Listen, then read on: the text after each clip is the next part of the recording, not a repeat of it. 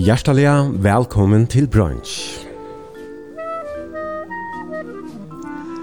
Dagsens gestor er 46 år, føtter og oppvaksen i Klaksvøk, bosidande av Skala. Han er utbyggven tekniske assistenter og arbeider i nekv var av teknistovene av Skala Kibasmye. Åren han ble satiro og blætegnare på Styrau. Velkommen til brunch, Ole Petersen, bedre kjenter som Ole P. Takk for det. Og i morgen så sender vi et uh, beinleis her ur køtjenon, tjatt her og kondene, Susanne skala. Ja. Hvor lenge har du bo her? Og gjør som han hadde en god spørning, vi har bo her, vi har bo her, vi har bo her en fjørde år. Ja. At det var skått. Ja. Jeg kunne sett meg råkne etter, og, men det hadde ikke tog, og mm -hmm. jeg smekker bare til. Ja klaxinger av skala har du vært vel mot her. Ja. Mhm. Mm Men och tar man så vel, vi tror oss vel her. Mhm. Mm ja, det här är nästan verkar dejligt och fria lite. Det är dejligt, ja. Det är gott utsyn i chatten för nästan. Fint utsyn så jeg tror som kjøren, i och kiva nes innan kjøren, og så när vel ut av kjøren. Ja, så at det kipan näs på det blir. Ja, at det kipan nes, ja. Mhm. Pent vever i morgen, nästan. Dejligt vever, ja. Sjål, kav. Ja. Det var verkligen köra. Mhm. Det tycker til. det er ja. Og kjørt, du ja. nu kjørt med tunnelen. Det blir stått av hela, ja. ja. Men høyden er jo ikke flott så ordentligt. Nei. Det er sin, det er sin trekk her på. på alt vi. Og hvordan er vi um, tilslidning her, så er det, er det flere som har flott her til nå, siden tunnelen kom? Det har alltid, det har vi inntrykk av, ja. Men det kunne nok være flere. Mm. Så nå er det, det er en bøylinger i Ronavik, kan vi si, ja. Ja, nemlig. Så at, jeg vet ikke. Ja, så husene... Jeg, Men det har jo ikke nok snakket ut til søstene, jeg var bare ikke akkurat. Nei. Jeg kan ikke bare nyere, vet du, det var bare tannveven til jeg kom og skala, og sånn årenveven her, jeg kom noen høyle bøylinger, jeg var ikke så nøkland om at ikke her er, jeg kan ikke, jeg halte med til gamle ruten. Ja, ja. Her av ja. Nere Nyare og da jeg kom långt ut på gänga turer kom ut av kajerna så fer om man ser det er råkar för gamla vägen. Det er skulle hundra liv over her, er nest og anna. Du hører på er i hånd, og så er det hus og på hinna, og du hittar alltid onkran her. Altså, ja. onkran som tekst vi okkurt, og lund tror jeg, eller hva det er, så ja. får man et bra alt. Ja. Så det er godt. Ja, Vi sitter som sagt her i køtjen i husen til Tikkun, som ja, til der bo her, sitter du fjørde år, bygde ditt husen i Kjallvesen? Eller bygde du... Jeg bygde husen, kan man godt si, altså. Jeg har mennesker gjort det så, ja. Jeg hjalp det til, ja. Det er jo veldig... Det er veldig i... Bom, bom, bom, bom. Det er veldig i 2-3-4 alt, ja. Ja, ja. Nemlig, ja. At det er en rymlig stor hus. Ja, det er... Alt det er knappa 15 meter lang, og og 8,5 bra i Oxford. Ja. Det var som ondsløyne var, du vet. Men for timberhandelen og til lager som tar høyt eller til som standard som tar for du i bjølken til og til at man helst til. Ja. Det var skru en latt og en. Ja, det var latt. Ja. Men det her er i hvert fall um, vel dekket opp eisene, Morkon. Jeg vet ikke om det er to, eller så Nei, det er absolutt ikke. Ja, men... Uh, läckert vi äh, läckra morgonbreje och knäckbreje och ja. skon oston ja. och honningsnitter från bägaren. Ja. Vi tar en lokala bägare här till är gruliga viktigt och vi har en handel och till er alltid det vara att det är för tunne för bygden. Ja. Det är helt säkert. Mhm. Mm Men eh, folk var nok også uh, borster av bygden til å kjøpe inn og så videre, men jeg halte man skal ha til kvittan. Ja, og kunne feire til bækeren til morgen og sånn. Ja, ja. ja. Jo, ikke akkurat hans vi til morgen, men jeg bruker ikke produktene som han uh -huh. Men du er ikke morgenmenneske annars? Ja, jeg er morgenmenneske, men jeg får ikke bevegerne til å hver omstrikt, det får ikke ja. Og hvert annet synes det mer tungt. Susanne, uh, hon er jo danska, hon er... Ja, hun kjøper henne, ja. Susanne på Kristianshavn. Barting, Eh, Barding, ja. Mm -hmm. Og hun er undervist av Kamsdal, ja? Ja.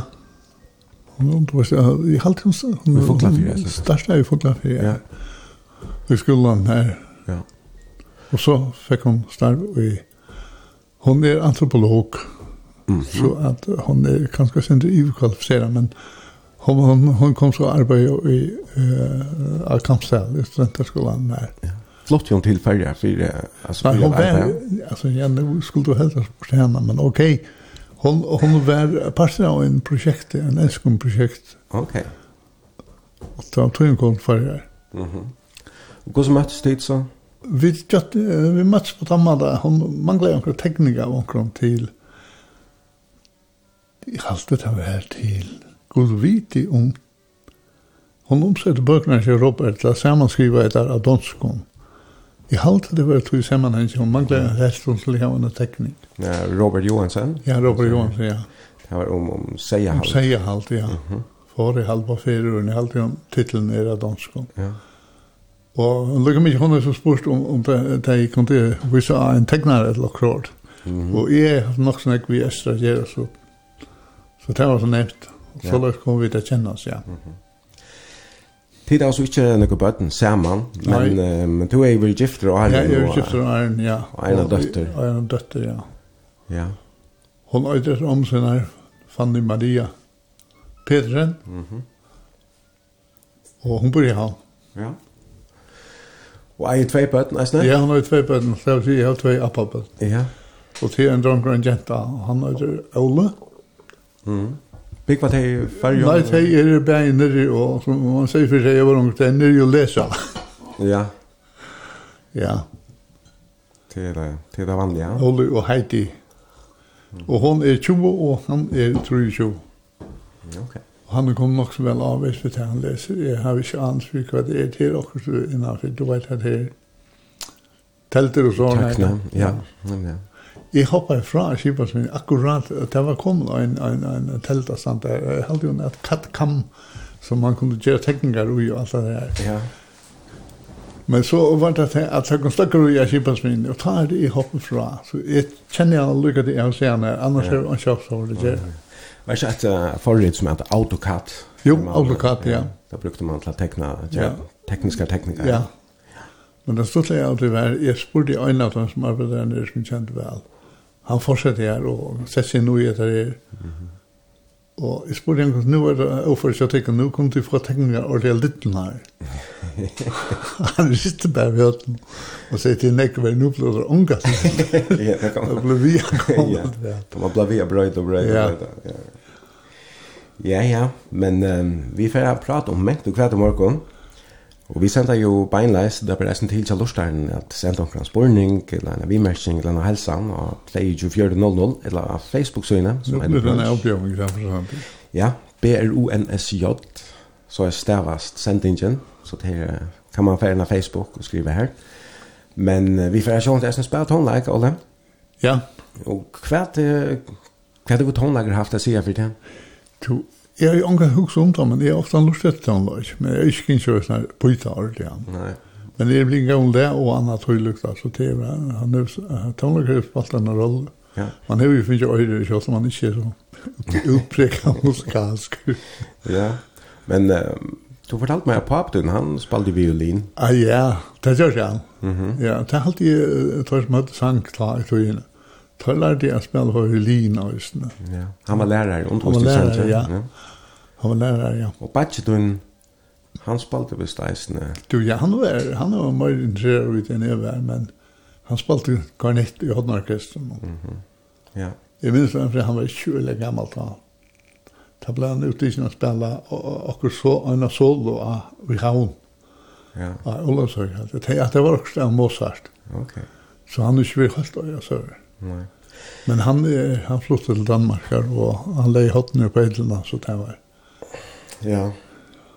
Han, ja, han spalte vi vi klaxar hotten kanske ja. så. Ja, han ja spelade klaxar hotten.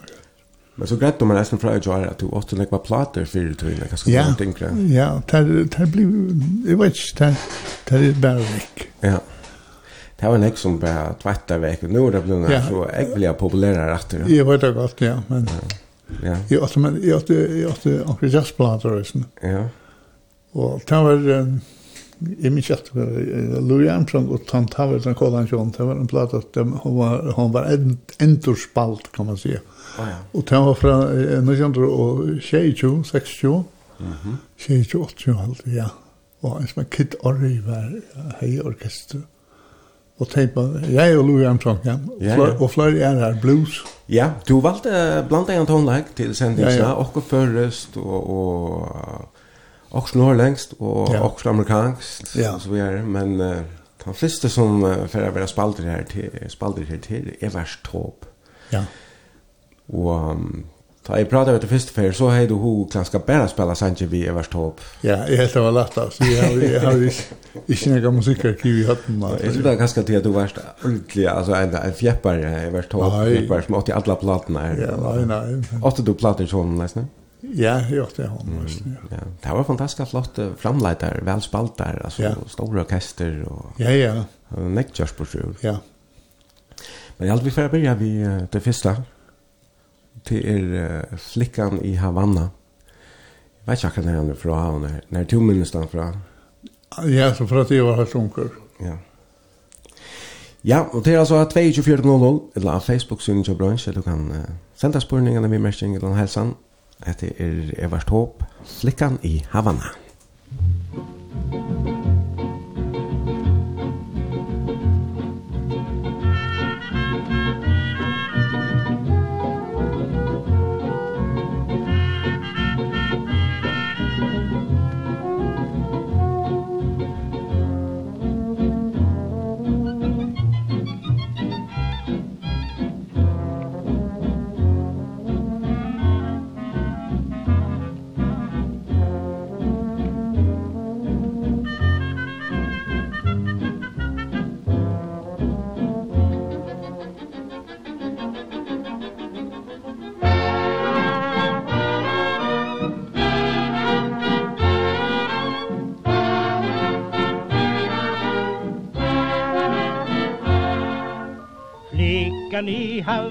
Anna Hon har inga pengar kvar Sitter i ett fönster Vinkar åt en kar.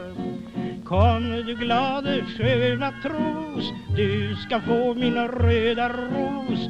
Jag är vacker, du är ung Sjung av hjärtat, sjung. Flickan i Havanna Stänger dörren av cederträ.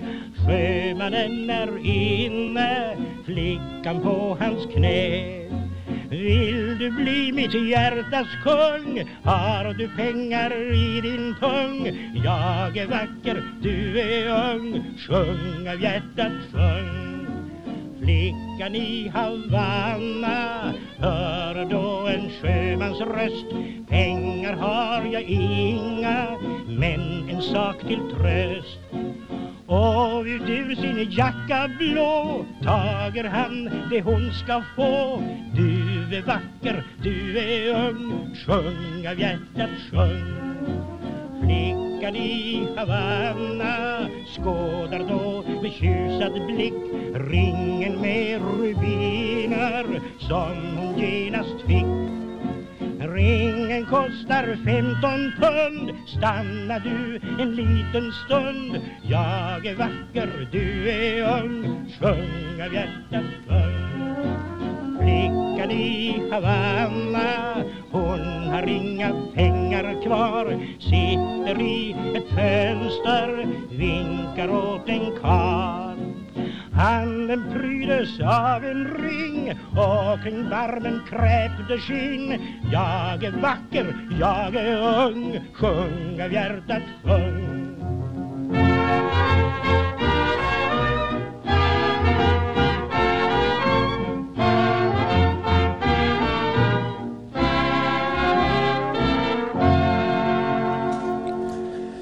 Vi tar då Evert Top og sangen Flickan i Havana. Det er lustig etter brunch, og i morgen er Ole P. Jester brunch, og vi sender beinleis av Skala, heima tja Ola og Susanne. Og um, ja, Ola, du erst som vi pratar om i Janne, Klaksefingер. Ja. Føtter uh, 14. januar i 36, ja. Ja. Så du er 46 år. Ja, otroligt. Ja. Ja, fantastiskt att Ja, ja, ja. Det snackar man räknar vi men det som väl låt. Ja, ja, men det är det är ju alltid gott att att bli äldre. Ja, ja, det ska det ska klä. Nej. Föräldrarna chattar. De var att det är Uruguay. Ja, pappa var Mhm. och mamma var Klaxvik. Och hon är Fanny Maria Hansen som jenta. Ja, som abbat efter den här, nej, dött Nei, som, som jenta, og så gitt som til Petersen. Ja, dette er min oppgave. Hans David Petersen, han var, uh, jeg halte røpte gæren, eller Vestibø var i gæren, ja. Og han var lærere, og, og jeg vet ikke akkurat, jeg fatter, jeg er fyra år at han startet krutje, eller tru år, nu ikke tredje startet da. Jeg minnes ikke noe særlig til det, men jeg har hørt dere. Han var lærere i Kvalpa. Ja. Og Jeg vet ikke om det er drilla i meg, vet du, men det er en jeg minns ikke kvalpa, jeg behøver ikke. Men jeg har jo ofte andre møtt begge kvalpingen og, og, og øren som sier det ved meg at jeg ble båren, jeg jeg minns ikke om det var oppe eller nere i Jankara Jogv, og det var en eller annen originaler kvalpa som var nært her, og i leipe, Og jeg ble så litt som trøster alt det til hånden. Jeg Jeg minns det i behøver ikke for sånn jeg var så liten da. Ja, det var Arjen, når Bergkål kom. Ja, ja, ja, og det var Arne Krutje. Det var si, jeg har vært i midtelen 4 år, og sen her. Men det var sånn at vi skil på den hese søvnene har vi hørt øyelig ofte. Okay. Och så sagt så ble han lærer i Ja. Mamma ble lærer i Klaksvøk til alt kånner vinner ikke en jobb, tror jeg. Så ble han lærer i Klaksvøk. Fanny Maria, sier du. Mamma ja. din var. Och ja. Hva var hon for en, uh, en personlighet? Hon, ja, hon var faktisk nok så aktiv. Hon låg av gå har Hon bare vært ranger, kjenner. Så hon i sin real alldeles så i alt som før. Så hon plantade seg på i, i mis lokalt. Jeg hade hon via stående husmörfälla i och Og han var også vi i, det arbeidde nekve en edlesheim ta. Det var det nekve opptidgjene av, det var basarer og alt det der. Og hatt er ikke akkurat det som interesserer en drong som er oppvokst av mamma der tenkas vi, men det kjørte jo om så forskjellig så år. Ja. Ja, det var det bare tvær badger. Tvær badger, ja. Herman. Ja, Herman, han, han er født i 1930, kjente mars 1930, og han er ferdig her, han sender. Ja. Og det er bare det som heter Kjølvand. Ja. Gång, gång. Og jeg møtte jo en klasse, en kamerat, Kjamar. Det var i realskolen. Ja för några för en en är så igen helst. Ta sig han vem är slett fyllt vi namn kan oss hörna. Ta sig han vem till Olva ska det bara två rätter det två i att linje färd. Okej. Yes. Så det är ganska var det en stor klasse? Nej, jag minns inte hur det stod där. Den borde kunna, jag kunde räkna efter för att tälja det, men det är nog snöjt nu. Nej. Hva er minner helt annars om mamma din? Ja, jeg minnes hon hon, hon sang firma. Ja. Og det var det her med at og mamma er sova. Mm -hmm. Og så lærte jeg meg å be for var, for var. Ja. Og det sier jeg framvis. ja. Og dette vil bare sagt hvis det er ganske ivra, ivra skal onk, onk, onk, onk, onk, onk, Ja. Er du annars altså, god rødgen med vel? Nei, det er alltid ikke mange å si. Jeg kan ikke ikke snakke med kyrkje til veldig gjerne for. og Ja. Men akkurat haft det ritualet til hevselse. Ja, det er ja. Jeg vet ikke hva det er vært kattla, men menten av kristen har alltid ångst i. Ja. Hvordan er vil pappa den? Hver minner het om han? Ja. Nei, ikke nek, han går, vi nå helt, helt vi jeg i heian omgått som lærere. Det halte jeg vær, så vidt mål, så gjør det til klassiker, at læreren hadde ikke nek på det. Det har man bare inn. Ja. Men så er det som lærerjobb som Hva du ikke kan som lærere, så vet du, hvis det finner laga lærere og forskjell så. Ja, nemlig. Nei, halt man røyner alltid at omkengar. Ja, ja, ja. Så det ta bare godt. Ja, og det er særlig kanske för altså för bøtten, ja. Ja, nettopp. Att det kommer att vara ja. Ja. Eller tjejer støv i mot til hinner botten. Nettopp, nettopp. Precis. Til bo i i Vikenon som Ja, vi er bo vi bo vi bo i Vikenon. Ja. Og så flyttet vi til Heimann biskstad på det fjärde halvtid, uh, Eh, upp med Och amma blev ensam og hun ville gjerne ha en hus så vi flyttade hem här. Og så satt ni, jeg minns at når det var, men da er nok så vaksen, så stilt trusjen, eller seks år så trusjen, eller ta han, ta bygde på på stedet. Han var, han var, jeg gleder verden, han ville ikke tenke lån. Han ville helst hjemme sin. Ja, nemlig. Og i reserva. Så den ble så vidt flottet sin rundt, så jeg er ikke hundra prosent boilinga frenser i den Danmark. Jeg var vika frenser, og så ble jeg biskos frenser. Ja, Og det var kanskje ikke, ikke alt så langt å skifte fra en ungvervel. Det var Nei, man ble ikke, man ble ikke bare noen akseptere av Øtlund. Nei. Men jeg har ikke tro, særlig troblokker av tog. Det er jeg ikke. Ja, du kallar det for bandar, det jeg pratet med tidlig år. Ja, det var ikke, det var, vi, vi krutja hest vi var nå var det krutj. Ja. Og vi krutja hest, og, og vi brukte traver og så, det slå hver annan vi. Mm Men det mest jeg var kom hem biskup, beskrev vi kunne väl ikke akkurat så løs. nej. Eller du, at det var att det det det det också vägna fingo utblåster av att det var krutch. Ja ja ja ja. I minst i minst i minst vi hade en luftvärnskanal. Och hon var byggt upp av en en motorblock som lille bara motor eller vad det var. Ja. Och så hade vi sett en ny löprörelse, en taggare som kanon, hette stås upp i en tunnel. Så til luftalarmen var så møtte vi det opp vid Noppot. vi kan ikke rundt, og så ble skåttet vi, det ble sliv i en gassa. Ok. Og henne hekka nevn, hun hitt Emine, som håper ikke tæt feil. Hun stod i, i gæren om tja foreldrene til Sven Krostan, av syska, tror jeg. Ja. Så her, her hadde vi lukket som verje vapsna. Ja. Og det var... Uh, Vi var også en flettar rundt krøyen, og vi rundt jo et, et skift til hus her. Ah, ja. Jeg minns at hvordan jeg vært, hus var man en, en, en kjørsland der, tror jeg viker. Men jeg minns at vi, det var, det var uh, mamma, hun var ikke kjellig glad for det, vi kunne sutja flåføren i klatsjen, Og vi kunne sutja det tvarte bomber, det var nok så ekslut han. Okay. Jeg minns det ikke etter om det var tvei i fjord, eller nær det var, det minns det ikke. Så so, tusk flåfer som kom inn? Tysk flåfer, ja. Mm -hmm det var noe rakkert. Jeg minns det, jeg minns negre hendinger under krigen av sånne slag. Ja. Jeg minns en fri kom om man var gamla skola, og om man var utan nødgjøy skolan, og så gikk det tvær nærmengar ur en eldre klasse, og jeg fikk stitt fra en firma, og det var kav. Nu kommer flåfar inn, jeg hørte ikke finne sånt alt, jeg trodde det skulle renne av husen til Hager Djurus, så lagt var det. Okay. Og jeg hukte, og jeg sa mennar inn i kokpitten. at det hei ordentlig glas, det er som man hava så av man framman, så rundt ja. i glas. Jeg så tvarmans. Det kunne jeg suttja. Et la møl så bidde meg også inn, det tår ikke garantere. Og så sa jeg at hei speidrøntjen som var framfor meg etter større enn jeg, tar tvatsen i et rom. Ja. Og så gjør det det samme. Og floff er det skjeit, og så førte jeg vekk ned gjennom øy, og så ut av det bare. Okay. Helt lagt, man mister jo skjønt det, for jeg tror. Ja. Det var nok spennende. Så kom vi til om skolan, jeg kom om skolan. Og ta var kjattlæreren som var i norr enda av skolan.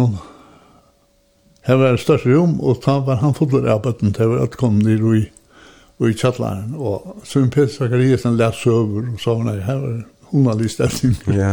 Selv om det var rett ved alvorlig. Ja. Så det var bombeskjoldet til skolen. Ja. Og så er det en annen henting som er Det er blei, jeg sier ikke blä klackar alltså men tog kan godt minna skarft, og det skal man så alltid ta av vi. Så at jeg minns det fåglarken kajen blä kvätt av en flåfær som kom inn etter vannet och släppte onkel Lengon, og som så kom i kajen og kvätt igen av. En torpedo onkel Lenkom. Ja, torpedo liknande ja. Jeg Jag ikke inte kan ha en bomb men kajen blev kvätt av, bort innanför som kajen sier til, en sån knäcker. Ja. Kajen her. Og utanför la fåglarken Alltså Patrin fåglar. Sheep fåglar så jag har jag här. Ja. Och hon hon kappar hon sack.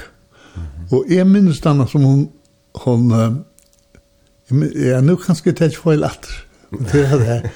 Är minst annars som att massan när vände ut från kajen eller in i kajen. Ja. Men så sa jag en mynt lengt at han i en bok om oss hendingen her, og tala forklaringen vi massen om møtta som i heibilda meg inn. Men dokumentationen var här, jag heter inte fel, jag heter inte och enda vänt i hela. Ja. ja. Jo, men så, alltså det är ju nekvar så igen, så ja. Ja, ja. Att, att man kan ska... Att det är tullig fjörn. Och en vinkel vänder en annan väg och så. Ja, ja. Jag var ju, jag hade ju dramatiserat det. Jag har alltid ta ta ta virkelig høyden så synes fri alle gjør jo. Men hva var det var det dramatisk? Var det benchen som bøten ta vekst opp på grunn? Nei, jeg var ikke ordentlig benchen nå, men jeg sa at at man var benchen ta hvis vi ikke visste hva det var, bare må være lydel da. Ja. Det, jeg minns, jeg stod ennå i kommunbrekken, som vi kallar det. Jeg var ikke som høyt brekken i Klagsøy. Ja. Ta, ta ta kom jeg flott her, og jeg stod hukt i ett. Ja. Mitt av brekken her, og jeg sa at jeg kastet i bomben her. I morgen jeg begynte jeg høyre, Ta kom han med over ut til han ripte meg inn, og det var Martin Toft. Ta var kjattlein i skolen og bare, fuller av folk. Ja. Og her var en kona, og hun var uh, lengt i baden. Mm -hmm. Og hun, hun, hun, hun ikke godt. Nei. Og jeg minns enda vi tar åpna i vinda, og så skorter henne så ut at hun fikk luft. Ja. Så her hekk hun, hun høysen er godt. Ja, ja, ja. Men her sette jeg, jeg, jeg minns ikke uh, om det var ta bomben har fått i vei, det minns jeg ikke, altså jeg kan ikke uh, vinda når hendinger sammen her. Ja. Var det några som kom allvarsligt till till Skages? Alltså, Nej, jeg minns onkan. Jeg minns onkan. omtalt nok. Mm -hmm. Men det hade jag med utrör. Ja. Han fikk en, han ble skotten Og han var det var en båt som gick där. Da ble alla öppna och vi maskinfärja altså da slog skotjätten. Okay. Alltså hetta floffa skit ettan. Och en maur föll ner rundt. Og han kom omkring ihop så alltså. Hinner var det som blir ikke rakt, men han er finnet en kul, han kom nye i kjøkkenen, dette og, og i kroppen av Ja.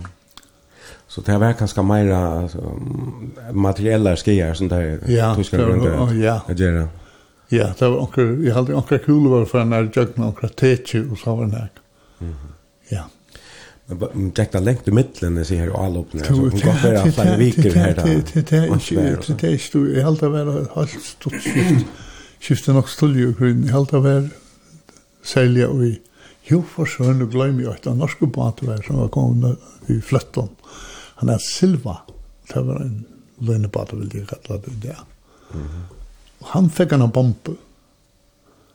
Og tar skilt, tar skilt, tar var, tar var ikke bunden til kai, tar fikk han en bombe, og hun får halvt nye maskiner, og hun får ordentlig nye i botten. Og hun brast ikke. Okay. Og tar skilt uh, Silvi opp av opp av land, sånne at forstenka brunnen alltid det var.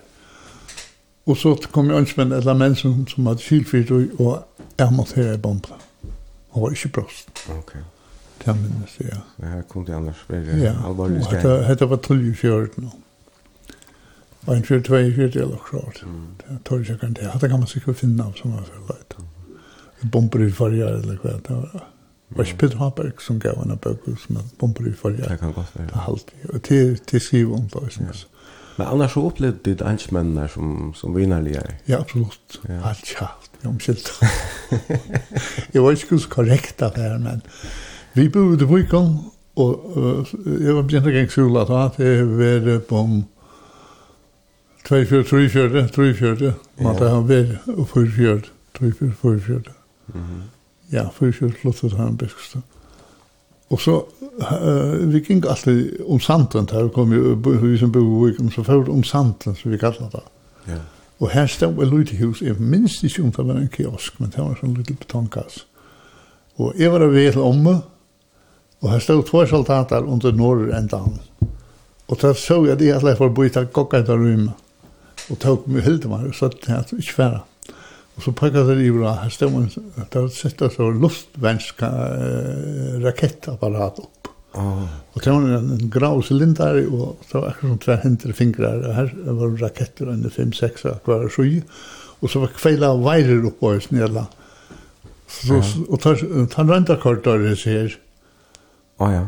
Og skuta ned i Gravardal, og det var så mulig effektivt med flåforen, eller med torskomflåforene. Okay. Så jag tror så vi har sett på att man skilde oss väck. Det är så länge var han kom till att det är flax som propellerna så är bitte det åkande in i kvartfart. Ja, ja. Ja. Ja. Så det var en liten fall då som där kom till hända explosioner och eller att raketterna inte lossnade och det var rampen. slå back gångsvägna eller grann. Ja. Att det är för att du från eller slå back. Ja, också. Det var ju alltid så att det var inte. Det skulle ta ut att tog mig. Ja, men... vi kom for nær, hvis det var også. Men...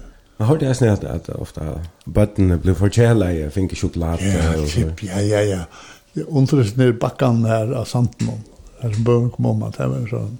Jeg vet ikke hva skal kalla det her. Kom til finna finne, eller slutter donner finne på en verspa borster. Og det var høyde vi øyelega att eia. Jeg minns at, at vi kunde finna finne egg. Og så var det færa nian til katsjen. Det var helt til kantina vi er i, i Gunnar Han var bygd parallellt vid skolan. Men det var gloppet mitt skolgar mitt og så er det det obygd med Øysten her i Loksjår. Vi var den ned kotjen, og så finner vi alltid blokksjokolade at vi visst avløp ekk. Og så ångstene jeg et dette her, kjent. Det var gjerne i fjøren. Ja, det var inte noe man får hem och fortalte. Nei, for søren, så får det stedet. Nei, nei. Det var ganska ikke på å få fætre, ikke. Nei, det var, det var ikke latt, nei. Men Jeg minns at han bytte akkurat ut hans åndsmannen. Jeg halte det var, det var på reda og så hun er man var på. Kanskje absin, jeg minns det ikke ja. Jeg minns bare at under grunnen kom jeg og bytte igjen av tomat. Og det var størst god. Ja, det var første fyrir hos makken av tomat. Man sa kanskje saftigere og lesligere. Ja, så øyre lekkere, ja. Men det var liksom snoppens. Ja, klart är du ganska imenta där det var. Ja, också det också mycket er gott. Ja. Det var så bestämt. ja. Nej, Ole, vi vi har några sanger att chat vi skulle ja. spela ja. och ja, hade visst bara spela ännu. Det är uh, Louis Armstrong som de ja. i Janne, ja. samma vi Ella Fitzgerald. Ja. Det är hon som synger. Ja. Det är det är gott par till exempel. Ja. Det just. Och nästa du lustar efter då? Ja, absolut. Ja. Dream a little dream of me.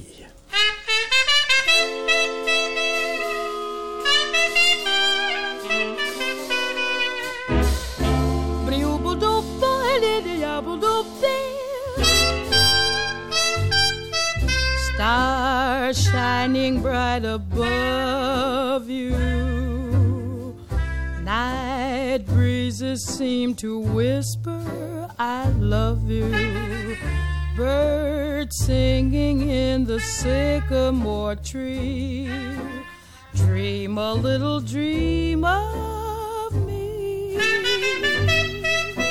Say nighty night and kiss me. Just hold me tight and tell me you'll miss me. While I'm alone and blue as can be Dream a little dream of me. Stars fading but I linger on dear. Oh how you linger Still craving your kiss. How you crave my kiss. Now I'm longing To linger till dawn dear. Just saying this. Give me a little kiss We dreams Till sunbeams find you.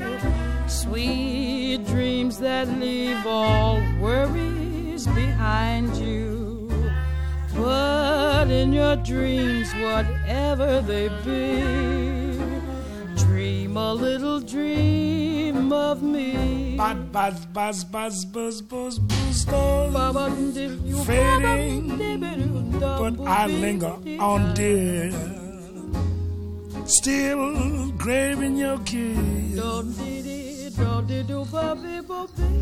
Yeah, I'm longing to linger till dawn, dear. Just saying this. Sweet dreams, dreaming. Till something's fine, you. Keep dreaming. Gotta keep dreaming. Oh, yeah. But it your dreams whatever they be. You've got to make me a promise oh, yeah. promise to me you'll dream. Dream a little dream of me.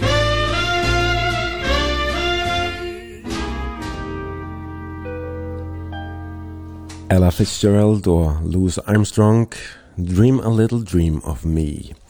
Du lustar etter sendingen brunch. I morgen senda vi beinleis av skala til Ole P, som er jester og det blir til å sende en av vimersking av helsan spurning av 22.00 Ytla av Facebook-synet tja brunch, og hon stavas B-R-O-N-S-J. Og her skriver ein uh, lustar Ole P, Mer er fortalt at Ole tekna i eina tekneserie av attaste suje i rockniheftet tja papa munnen. Tar var klassakamerater. Er det noe som du minnes til at du... Er... Nei, men uh, dessverre, det var det jeg brukte skolebøkene mest til. Det var tekne ut i margen og forskjell. Det var... ja, du tog ikke vel at, at gjøre det som annars skulle gjøres til skolen. Nei, det er ikke jeg hok til, nei.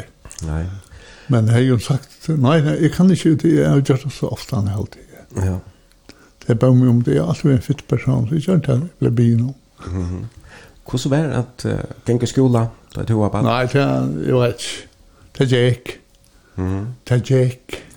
Pappa dem var jo lærere, ja, så ja. du sikkert kikket den også pent. Altså, nei, nei, det har jeg nok ikke det, jeg minnes det at Selja gentnar den eldre klassen det hadde hun hoa fylast var at jeg var ikke eksemplarisk nok. Ok. Det hadde jeg akkurat å si om det her, ja. Var det annars strengt da? Altså? Jeg var ikke. Kan... Var læreren jo strengt? Jeg halte ikke det var det, men det var, det var arbeidse. Mm -hmm. Jeg, jeg hadde vi aldri å være pedagoger, men det var oppfunnet da. Altså, det Ja. Men jag ska inte se några som några lärare så att det tog gott att se så jag vet att vi tar något skilt när vi tog så vid. Ja, så det var ju som kullas. Ja. Det var ju som det kullas ligger kanske. Ja, det hade ju var tog en så vi kunde vara på en sån mat där. Ja. Jag minns en han var här i Halland center en namn han skulle ha tampen.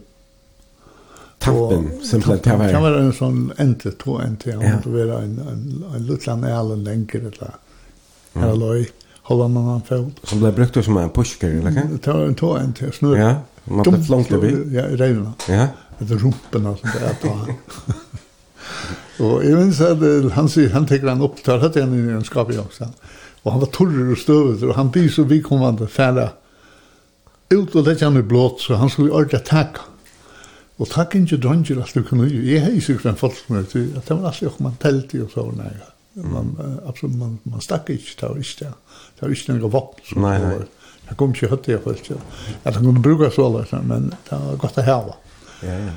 Og, og hans nye fyrin, han er ikke fyrt i som han lomman, så nu tar jeg et en halv tur i fan der slutter fra et kvarter, så vil han sender ut etter tampen. Mm. Og nu skal han så Og jeg minns godt han kom inn, han hei leggvannar fyrir, så løsna sier, og jeg tror nu hører han vatten, og jeg, ja. han, han tek vatten in vi så nu händer också Og så släppte han det av Boris så läraren kateter Og så han var det bare sånn stoppar han kvätt han sånt det er som skorja nu små petter ja og och han vil si han slapp Tog var håblös sier læreren, läraren, bare vi hatt och kallade stumparna in i ovnen, og det var sånn en Så, Så, så läraren har humor eller galt? Ja, absolutt. Ja. Han kunde ju finne dopost. Ja, det kunde han. Det ble inte. Mm. Hvordan var det annars vi um, vi det fackliga nå husker också om tekning, var det är såna där det det. Ja, men det teknik då vi hade bäj fri og och och och så är såna eh oljekredit. jeg vet inte vad han där fick där från Kilda. Men det var sånne minster som var uh, printade på på og så skulle vi sätta lite till fylla det. Det var ju ja, ja. det var spännande. Så en farbeblock. Ja, ja. Mm -hmm. Det var nok stått. Og så var det uh, friomstekning. Det kom til dem så var en utstopp av fugler som ble sett av kateter, og så skulle vi bare tekne. Ja. ja. Så du lærte kanskje å tekne ta langt? Jeg var, nei, jeg, jeg, jeg, jeg har alltid gjort det. Arne kom mm. skole og østene alltid. Det la bare vel fire? Ja, jeg holdt det. Eller jeg var, jeg var, jeg har avhva fire, og jeg var nok strøkker. Mm -hmm. Det kom det, ja. Du fortalte meg resten, Jar, at krokket var jag blev väl då där klaxuget yeah. på baden. Ja, men det var så sett det var att han krutje show Ja. Ja, det har spalt neck krocket. Bäge bötten och vaxen. Vi kallar det for krock. Ja, ja. Ja, altså, men uh, det vaxen helt uh, mer til i, i skolan här. Mm. Och han var uh, det var nok så imponerande. og tar en neck vid här och tar spalt om sånne sådana spaltar Da brukte vi godt tennstikker, at vi markerer hver kulan, som da skulle reka la.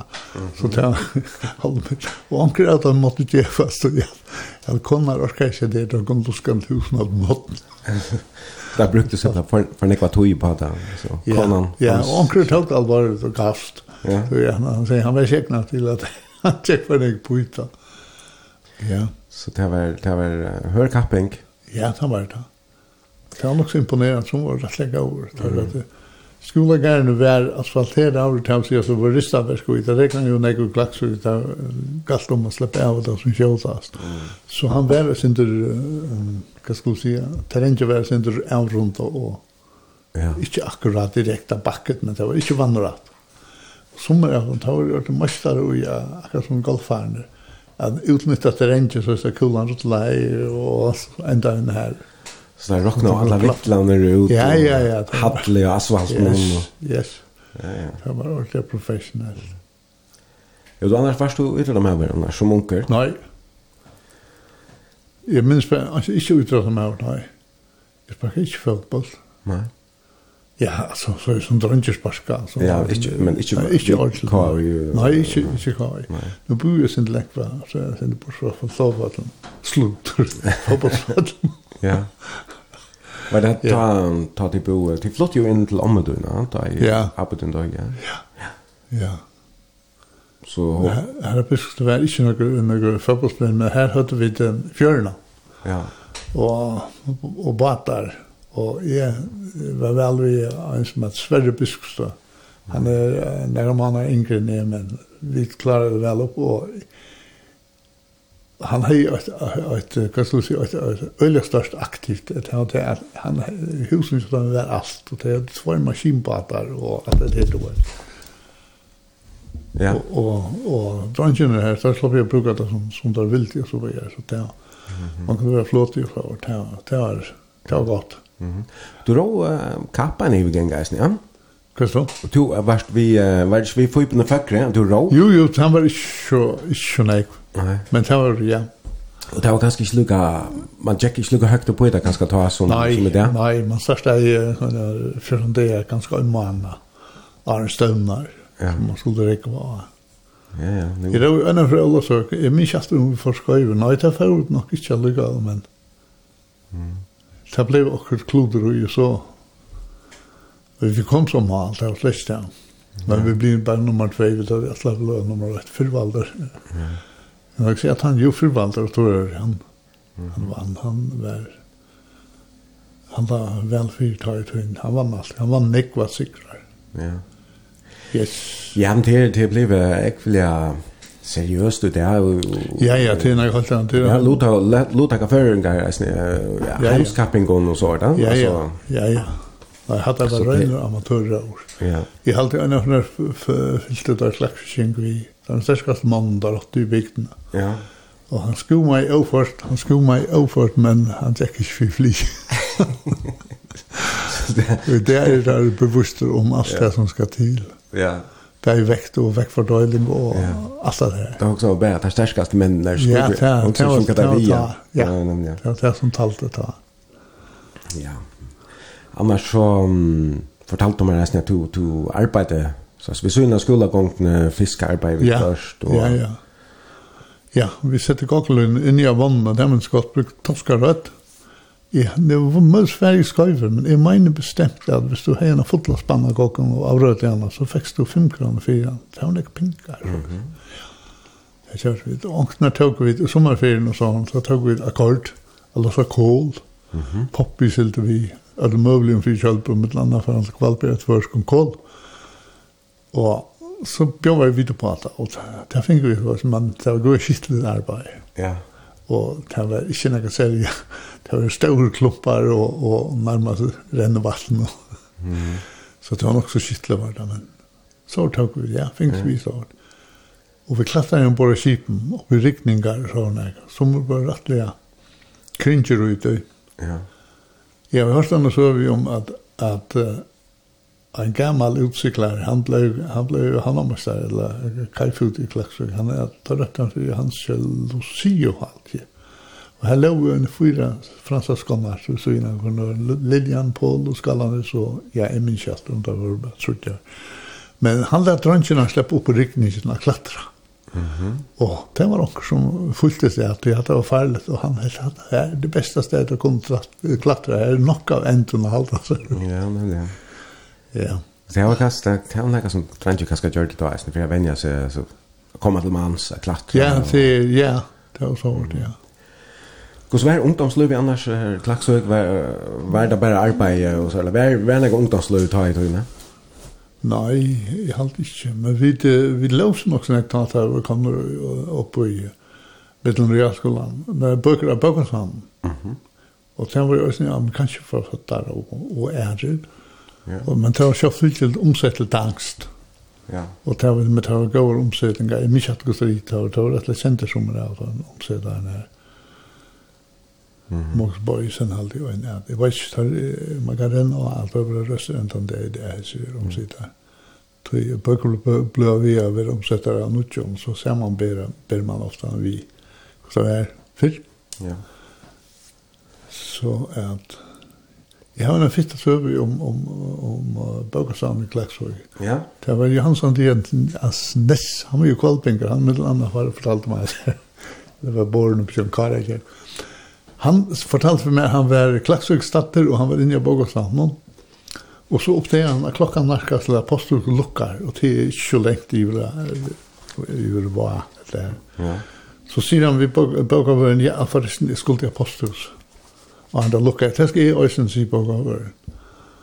Og så fann det sted, og, og Jans, Jans Andreas nesten legger mest til at uh, Bogavøren, han, han leser ikke hona, han leder over åpne. Mm -hmm. Og han sier så vi, han leser du ikke, bare sånn, og du først fra, nei, det er bjøres ikke, klassiker stjel ikke bøker. ikke bøker, men... Ja. nei, nei, jeg sier ikke bøker. Det er ikke mye. Ja, ja. Nei. Alltså klaxing där kanske känner sälja från från showmanslöven va alltså det är ju det går bara där och det ska ju ja Utførende av Norge. Ja, hvordan vet her var du eisne? Nei, jeg var omgatt i utførende. Jeg var, ja, jeg var, jeg var litt kipsaløyga. Ja, da du var livet realt og tog Ja, det er alt derfor jeg gjennom på at jeg var en trollare og heismann beinsfør, og det var silt. Og det var tog en powerboy som var ferdig han. Jeg hadde ingen det, jeg vet ikke om 16-16 år. Jeg er ferdig akkurat ur i. Og den første turen, den var ikke godt. Så det var en trollare som uh, hei høa lønningar, og så er han halvdekk. Og det ble så tungt å arbeide, at en gøttene skulle opp om lønningene, at man drog det inn. Og så hei han trollspill til å tega trossan, og det gikk så fram av bakkan, eller kvelda versjon det jeg ta. Så det ble grunnhet for litt arbeide. Det vil si at jeg kom inn at det første tur, da ble han faktisk bygd om. Um. Da lødde jeg at kom så dekket vi, og dekket vi. Ja. Og så sette jeg et motorspill av kveldabergen. Mm -hmm. Så det jeg man kunne dreie trossan her. Det er ikke jeg bedre. Ta, ta, ta vel til arbeid om det. Ja. Jeg var en tvær tur om det var ikke mer. Var det god fortjenest da? Nei, ikke noe særlig. Jeg minns ikke akkurat, men jeg mener det var Det var Jag vet ju inte, man fick kron för tunna, så maskat parter. Ja. Men så först du på Grönlands, det var ganska bättre. Ja, det var gott an. Det var vi, uh, det var sötna, det var vi, vi... Uh, Kjöraberg? Kjöraberg, mm. ja. Grönlands. Jag har varit två turer i Grönland och en tur östan för ja, det har jag an. Ja. Hej då när kan du när... också du när kan du tankan att, att Kjolöv skulle vara att hon... Tun tut. Nei, jeg visste det gott. Nu kommer en hemlighet. Jeg visste för banna gott att det kom galt og et han vi. Är det farblind eller litblind. Okej. Men ikke sjulan jag men det er så konstatera at det er grønt. Ja. Men det är så inte bara rätt och grönt så kort så. Men vi kvart det er en sånn kombination og så lykkes som. Ja. Det fältar det går annat. Okej. Okay hur ser är det nu nu hur ser så samband med teckning och så ja, det var det kvar. Jag har ungefär hört den där öppna den gång till men men det är ganska nu kan jag ganska akkurat ljus upp i onkel nåt det tror jag en stor Så Tror jag alltid det bästa svart. Men det är helt mumbo då ju och och ja, jag är så kört när kom det. Nej nej. Men du första eh, skolan i Roskilde. Ja, ja, jeg får... Uh, det er tekning? nei, ikke, det er bare for jeg lykker som får luften og en sånn også. Det er bare en men, mennes. Det var Roskilde høyskole, jo, og, han var nok så annonserer. Og i følger vi Arne, han er Martin og et eller annet, han ble formann i uh, forrige arbeidsfjellet. Han, han har arbeidet på mann av fjellet. Okay. Martin, jeg har glemt et navn, det var ikke mye enn jeg var her. Men en skoinger, eller sånt en hoppinger var, han er over skoinger han var av Roskilde Hanskola, jeg var her. Og den var en, en, en ordentlig sosialdemokratisk hanskola. Han som var forstander enn det vet ikke jeg var her, han var K.B. Andersen, han er en dag 17 som åttanrysen om alle var her. Og, og Per Hekkerup og sånn, Hal Kokk, og jeg vet ikke hva det er, det tar helt i fire lester her og annet.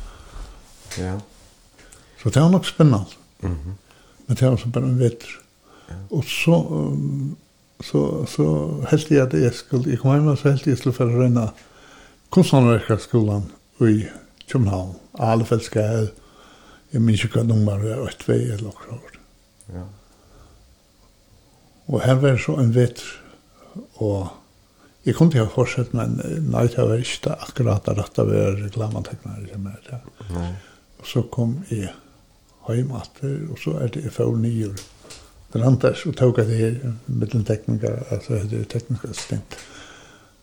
Og jeg fikk arbeid av skala kipans med, og det var et utmerka arbeidsplås. Mm -hmm. Det var nok stått litt der, ja.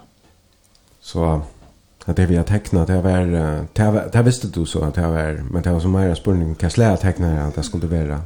Ja ja, så jeg har alltid tegnet frihåndstegninger og, og, og lag og mer, så det er skildes ganske høysen rukkelhaka. Mm. Ja, jeg hadde lyst til å spille en en sangarm for at vi her i praten om og for at ta som satiretekniker og annet. Ja. Og um, ja, jeg vet ikke, vi uh, her var jeg snakket om sanger av skromne som er, jeg synes det er satirekjenter. Mm Med annat så har då valt att vi skulle spela en så Hannes G. Johansen eh, som heter Sintabokkeren. Vi har en det till Paul F. Va? Till F, ja.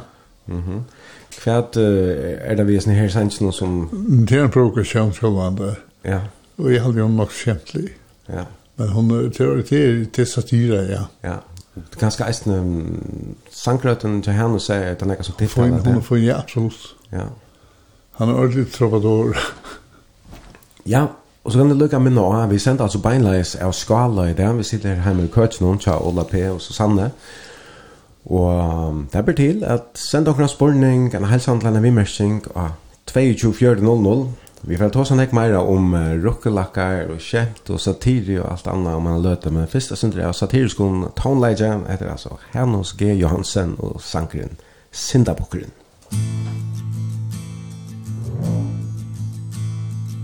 Fænen, holmose døyre, nu kycklar og i skravene to, så gravor og bøyen av etle, så favor man fyrnaste nu.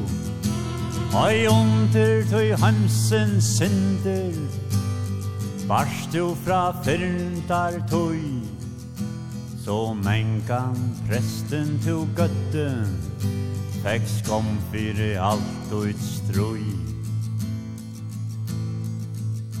Tar hava til nukt som grøylon Fra fyrntene fekks til oi fri. Tu vært han hyrels hundur Tar tamt og salernar vi Og i 2000 år to fylte Prestana opp for skal. Tøy nutte til åttan tog tikkje At kjerja så menga sal. Nek dukt og prestar nirate Men tøy fekst jo nattar fri Men nu missionerar Nirvalta Noktast här mattna gör vi. Høtt og tar hakkrøyt til betor. Og ikkje å byrja tøyn rygg. Trøtst du velen, men tar søtto. Vil du ikkje genga så rigg evnar tun tjekka skortor Nu sasta a tøyne skån Eit misbrukt friar du i restu Så møyna leis bløyer hån Og søntar nu skorsten bøta Og røyna at vinna ter gri Tøy tu øyer løyve og i tøymon stors to så dodja tøyr vi Så mengan to sækleis ur volde Tu mamma bøtnon om sot To skulde je fyllt der til gravar Men kanska tu æner med ut Frigjør vi tøyn og minne Ein sinne lita bukkur til vær Så ringt vær tøyn falska etna Og gamle ta sama vi mer Vi tar då her nå G. Johansen og Sanchin Sintabukkeren. Det er Paul F. som eier årene, og det er Ole P. Ole Petersen som vel tonleisen morgon og vi sender på enleis Ur køkken til Ola og Susanne hjemme av skala. Og det ber jo til å sende vimersingar, spurninger og halsaner. Og her er en uh, vimersing, Ola, en skriver Det var bare så stottligt at tøma pappurskurvene av rokkolakkar-redaksjonene først ut trusjonen. Her enda är sånt du ikke var borbarst. Sakne teknikerne kjallar Ola, best i helser til Tikkumberg bæg skala, skriver altså en lortstein. Og du nevnte beint og Arne Sanchin at uh, rukkelachen var kanskje nekka som gav der utblåser til at halda fram vi at tekna og at kanskje kunne liva av at tekna. Hvordan ber jeg alt det her vi uh, rukkelachen? Ja, rukkelachen. Jeg var ikke i beina veien, ikke til første hunden her. Det som, som, jeg halte det var på norsk kjølbro. Nå, pappa kan kjølbro. Mm som som kom i huskoden han han kom i Jötland för vi namn och nästan och klatchen. Och så var det Will Sørensen. och det var flera jag började vi Bernard Brim jag hade John Wright Bjartali var också ner. Tar tar det var en ordentlig redaktion man måste säga. Och Alex Sjölsson var också ner. Men som testar man klä alltså noll kontakterna och det vi på något sätt han på kallar för noll. Mm. Ja. Det var kjellnavn, eller hva man skal si, ja. Men uh, han kunne kjøre en sammen rundt, og så tar man til hem omkring annan og tar så frätt at att ja, det er är tecknare. Ja. Og jeg ble så bina komme, vi och var gammal og så, og så kom jeg upp i. Mm -hmm. Men henne fått från några av dem, så blir bara en på något så och Willy Willy Sörensen och en nästan och så fick det en läge träd. Ja. Men så vill helst vara i vet inte. Ja. Og om det nå er onkel Lustær som ikke vet hva hva lokalisasjon var. Ja, det var Norrøsten tøyte. Ja. det Blær. Det var så litt heftig eller. Ja. Det var ikke man så det er det A5 eller noe sånt. Ja, akkurat. Ja, la ja. Og det er kanskje Jeg vet ikke om det er brøtt skap i Jøgen og Eiren, men det blir jeg i 8 Ja, det er brøttskap og Sinter. Ja. Ja, det er Sjeiholtrus aldri, det var det første nummer. Ok. Sjeiholtrus. Til en av første forskjellene, eller? Altså, ville för så var han läser att han dog ju som landslösmär så han var väck. Och jag var inte nallig alls för så då så var det är och så när det är kullar klaxor. Ja. Men så han mot Henning han är ju i rockskamna ger och så vidare så ja. Och det var näck vid är som det var i tillfär. Jag ska inte nämna så det är att jag var tar väl tar ju nog nämnt i kolofonen. Ja. Andras Mikkelsen var en han var oförrädd tattor och, och annat sånt. Där är jag. Asante. Yes. Ja, ja. Han kan nevna. Mhm. Mm og jeg stod så fyrt og i halvtid jeg, som bless jo. Men vi fikk unga sak. Det var ikke sørst da. Nei. Og var det bare norringar som, som slå på i parken? Det var det faktisk. Nei, det kom jo akkur hana med. ok. Som man, man ikke kom i omværa. Ja. Det var det. Kjente hana med. Men. Han så var det en sånn satire tekniserie som kom ut av norra stevne. Ja, alltså det var forskjelligt och så hade vi lösningar rösen. Ja. Och de lösningarna som uh, var ju av forsyn och av backsyn av permen, det var synd i tjeckre och det var ju i sån basson, trutje kvann vin och trutje nire, eller var det tvär nire etter och och fyra i vet. Jag minns akkurat hur det var, men det var som först ram och det var stort där. Och det var väl Sörensen som skriva det här. Det var ofta en sin stort, det var stort där. Og jeg kan godt nevne, han ringte og fikk der gavkjentar, Arne der kom i uro. Og jeg minnes Klemant, uh, hva det er, Klakk, Klemant Klakk, alt det han er.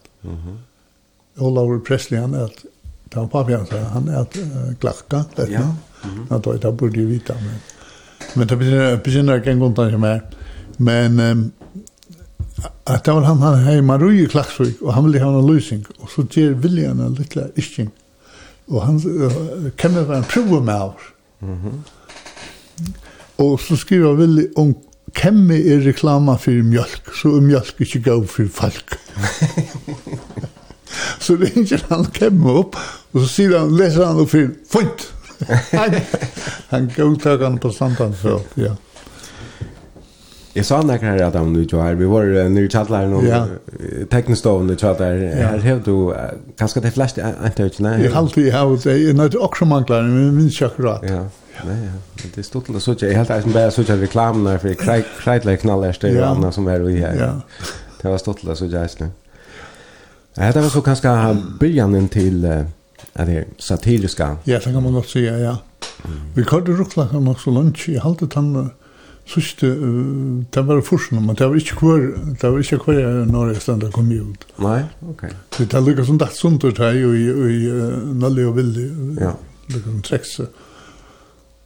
Men altså, vi, vi gav han ut allikevel. Ja, og han var vel omtøkt, du selte nek vant og... Ja, men uh, han var bøylig, jeg hva sier du? Jeg aldri, han kostet halvkron, ja, ja, ja, det här i Alfjärsen. Ja, det var i Alfjärsen, ja. Han var ännu billigare. Han var ner, väl ner från Tutsi då första. Ja. Men uh, det var nog inte fel för, för, för senast. Ja, men blev han inte sänd från allt landet? Jo, han blev sänd han blev öjla populär i Ärastan. Fjore till Döms. Ja. Så vi en tjukta klaxen. Alltså, det är ganska väldigt vidligt att... Uh, Ja, du glaxing av av under. Ja, det var det var ju två år ska jag glaxinga blev nog så illa befär nu i vittighet och allt det där. Ja, det är så det vi jag ha, Ja, ja, ja. Men det är också ganska rock rock lights där en en par så arbeten för det. Ja, det kan ganska være, ja. Men du först alltså att att teckna mera seriöst allvarsligt. Du först ju till Ranters, ja? Nå, her tar man her, ja, jeg tok å si her, middeldekninger, utbyggingsene, ja. Nemlig, ja. Men, en professionell utbygging som... Ja, jeg var ikke hei snakk på oss, jeg halte jeg heies. Jeg slapp fra praktikken, så ja, han heier for vi. Ja, kan du lukka greia fra hva en middelom teknar er? Nei, jeg var ikke stått. nå arbeidde jeg skala kipet, og her var rettelig frukt. Tar hadde ikke, tar ikke noen verkfrøyngar, ta. Det var liksom mangler, vi slapp jeg røyna noen ordentlig an. -hmm. Vi brukte klassabøkene, så det er her stendt vi hva det krest. Mm -hmm. Alt er klassen er defineret, så hever du faktisk uh, skipet på en av veien. Så slapp det bare opp, så sørst du. Og det er sånn empiriske formler og annet kvart, og mekka langt og brøtten og dyp og annet inn, så fast og slutt på ditten og datten og alt det der. Ja. Og det var så sendt inn, just teknikere, alt vi setter på anstall teknikere, og så var det sendt inn til klassen, så var det ta, ja. og så var det rattet her. Mm -hmm. Og jeg minnes at, det var en norsker som sjefer, han var Bjørnvig, Anders Bjørnvig, det var to normer, det var versprøyninger, og henne er et Haveland. Og Bjørnvig, han, han, han var sur hvis teknikerne kom i atter, og ikke vi mesting vær. Alt var gavkjent. Tog var så kui. Tøy, ta var sikkert ivedriv. Vi skulle være at gjøre skipene så lett som mulig. tog de skulle livet, ivelivet var for en farm, det var fisker og annet. Ja. Så og og og tæmdu røyan her og tæmdu skipaspinnan og sin hava men klassen vil ha det være nødstørst så við underdimensionera konsekvent ha så ikki ta fyr. Og så kom alt aftur og så var nekva reia sikur rattingar og så var han klar ja. Og det var da du varst lever her, at du flyttet til Skala, at arbeid og... og ja, så jeg kom opp nærfra. Ja, nei, jeg har et stort skifte i Åtens. Jeg arbeidet her en tekst og tja fysk telefon, FKT, fysisk, oh, ja. fysk uh, kommunalt, nei, jo, det er det vel. Ja, teleselskap, altså det var jeg tekna... Telefonselskap. Te te tekna linjeføringar. Fysisk kommunalt telefonselskap, alt det. Mm -hmm. Ja, men det var lindetekninger, ja. ja. Jeg var der tog i døltene, kappeltøl, lindøl. Mm. Det gjør kjølig spennende. Nei, kjølig spennende, nei. Står man venn med tekninger i rukkelakan? Nei, slett ikke, nei. nei, nei. Så kjipa er ikke mer spennende i alle fall, ja? Ja, men det var ikke verre hvis jeg kom opp at det var det, ja, det var ikke. Ja. Er det noen skip som, som du var vidt til å tekne som, som du er sikkert ja, stolt av? Nei, det var det ikke. Vi er stolt av den skipen som vi bygd. Og jeg har, jeg har bedt oss generalarrangementer og og arbeidstekninger. Og, men jeg har opptegninger som uh, borte av. Ja. Altså det var innretningen og kultur og alt det der. Og, Det var tvitt ser Uh, Ja, det var lukket. Ja, men annars var det ikke så spesialiseret. Vi, vi skulle fære inn alle sånne her, det stod A, ferdig, å få alle li. Og, ja. og det, det var nok så interessant. Og du flott så her til skala ta ja, ta et år. Ja, jeg begynte i fyre tusj. Ja. Påsken fyre tusj, ja. Og ta stod og Bygge nummer 2, slutet nummer 3 og 4 stod i døkken av, av bedringen, jeg køyde ut, Klara køyde ut. Og til han var Øysborg og Nøvnhammer. Og Arne til Høttar, Bygd Stranting og Boanes. Ja. Det var Lønnebadar. Og Øysborg var en uh, fristebater, og til han Nøvnhammer Øyst. Og flottet du her til Beinavegen? Da du, ja. Flottet du til skala Beinavegen? Nei, jeg tar høtt i huset skala man kunne bygge i. Okay och så hem till Klaxberg. Så er det med att Gertes för kon. og Ja, hon var ju av Viara, ja. Hon var av Viara, ja. Kvar kvar på tid så det första Jeg Det låg en hus ute i bygden. Okej. Ja. Og hetta bleiv ångsvekna eisen trutt ja, løst der til så kan skal være et annet, men hetta var, du arbeidde i Øljan ikke var? Jeg arbeidde i 25 år her. Ja. Det er nok så positivt, jeg arbeidde 25 år i Kiva som minne og 25 år sosial. Ja. Mhm. Mm Jeg sendte hver så et arbeidsplass, og det var i nødvendig forskjell til to grad. Ja, nødvendig forskjell, ja. Det kvar var det som hendte? Var det kreppa, eller kvar, Altså, nødvendig ja, forskjell var jo god. Ja, altså, kreppa Ja? Hun stakka i. Men forskjell var jo um, framhårsgærende, for ja, det fikk nekkskip og nekkverkskip. Jo, jo, jo, jo, men altså, det er allmenn nok det at jeg halte under skipet min på nekkene på några måta. Mhm. Mm Okej. Okay. Ja, så det tog chansen till att vi helt nu är att den är slötten. Ja. Och så tog jag chansen då. Mhm. Mm för att prova ensam allt. Att du är så haft att det är så inne och alla tojna. Ja, jag inte. Jag har alltid, jag har alltid, jag var, jag var inte med vad den första som tecknade aktuellt av det med tidslängd från. Mm -hmm. Men det var bara så just du vet. Ja. Ikke noe ordentlig fast arbeid. Mm. Det var mer när jag arbetade i Kipasby. Jag som glömde jag kom in av Janne, det var to, to, ett halvt stort tojarska i Nujant og Kjell, tror jag. så arbeidet du eisne för Klaksika kommun som ja. tecknar. Ja, jeg tenkte sånn her, ja. Ja, Kan jag hva var det jeg det arbeidet på? Det var, det var bojarplaner, og vi målte opp, og det var grunnstykker vi sette av hus og så. Ja. Det var det. Mhm. Och så var det alltså det här vi att uh, teckna satire som du är hej just alla tøyna center vi så inne va. Ja. Mm, och som är har lyssnat till så är du teckna för nästan ett blöjna som var det för va. Ja, så teckna jag en serie i Dantland som är råttorna. Ja. Ja, det har vi nog. Vi har också teckna för fyrstunda. Ja. Tøyna blei, ja, det er som Ja, jeg vet ikke om Jørgen Axel her. Mhm. Jeg minns ikke. Nei. Men sosialen ble så... Det var ja. vesentlig, det var vesentlig, ja. Ja. Ja, jeg halte, som jeg har lyst meg til, så var det i... Um, var det i uh, fyra fors, halte jeg, du byrja i fyra sosialen og... Fyra fors, ja? Ja, fasta, som, ja, men, okay. du, men i fyra fors var det, ja. var det onker en, en jolakalender eller også, eller? Ja Ja, det var jeg minns ikke alt. Jeg har gjort rettelig nek, men hvis jeg færre råta er nere i samlaren, så finner jeg det sikkert. Ja. Ja, det blev til nekvar... Jeg har gjort flere jolakalender, og som vi utvar, alltid. Ja. Det blev til nekvar tekningar til samans. Ja, det er nek, Jeg følte han, vi minns av forgikt. Ja. Fink vel her. Men, uh, men det er ikke tog du, du så er valgt at, at jeg vast. Nei, det er egen. Ja. Ja. Så är det väldigt viktigt att svara där på mm. Det dår inte. Nej. Men ehm Olle tog ju någon flera steg och ja. vi har lagt sancher efter vi skulle spela och jag alltid att vi skulle för att ta en atlät nu. Ehm um, Nat King Cole.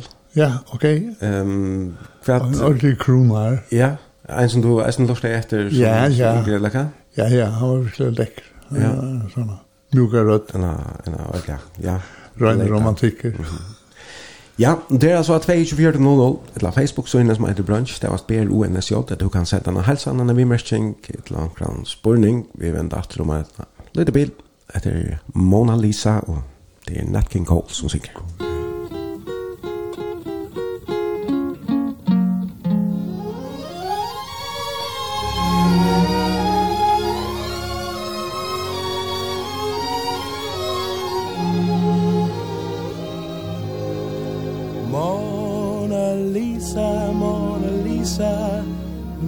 I've named you. You're so like the lady with a mystic smile. Is it only cause you're lonely they have blamed you? For that Mona Lisa strangeness in your smile. Do you smile to tempt a lover, Mona Lisa? Or is this your way to hide a broken heart? Many dreams have been brought to your doorstep. They just lie there and they die there. Are you warm? Are you real?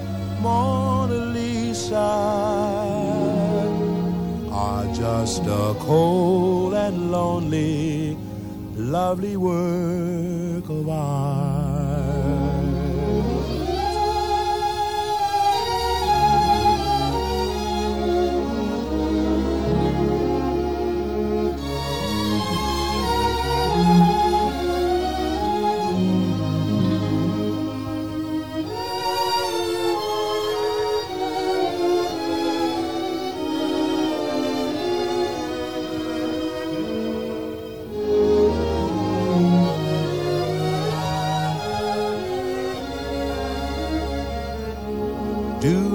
smile to tempt a lover, Mona Lisa?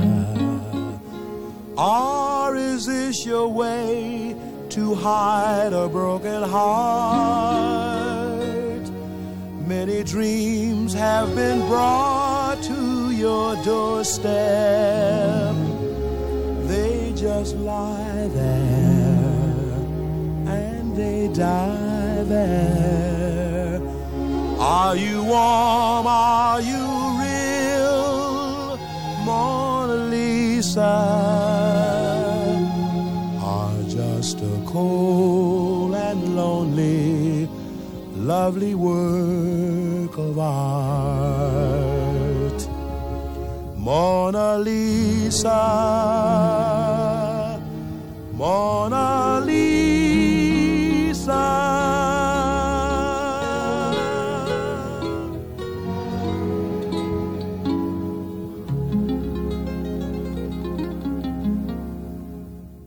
Nat King Cole og sangren Mona Lisa. Det er Ole P. Ole Petersen som er gestor i uh, brunch i morgen. Vi sender beinleis ur køtjen noen hjemme til Ola og Susanne og Skala. Og det er uh, flere vidmerkninger og helsander og anna godt. Ein lortare skriver her, i eie alle rockelakkanar, teg der fram vi kvørst, ser det stått litt, men sannast må at humori er brøtt ved tøyene. Bei faste mun og pappa patch mun hava tekningar som voru kasserajar til næstu utgave, hengandi innram innramajar av stovvetsen. Ja, eg kan atla at uh, at uh, det er brøtt jøkken tøyna kanskje hver, hver evne man, uh, man kjemtar vi og ikke Jeg begynner vi så var det jo at det er lokalpolitikere når klaksøker og klakkanene. Ja, det kommunal limer. Ja.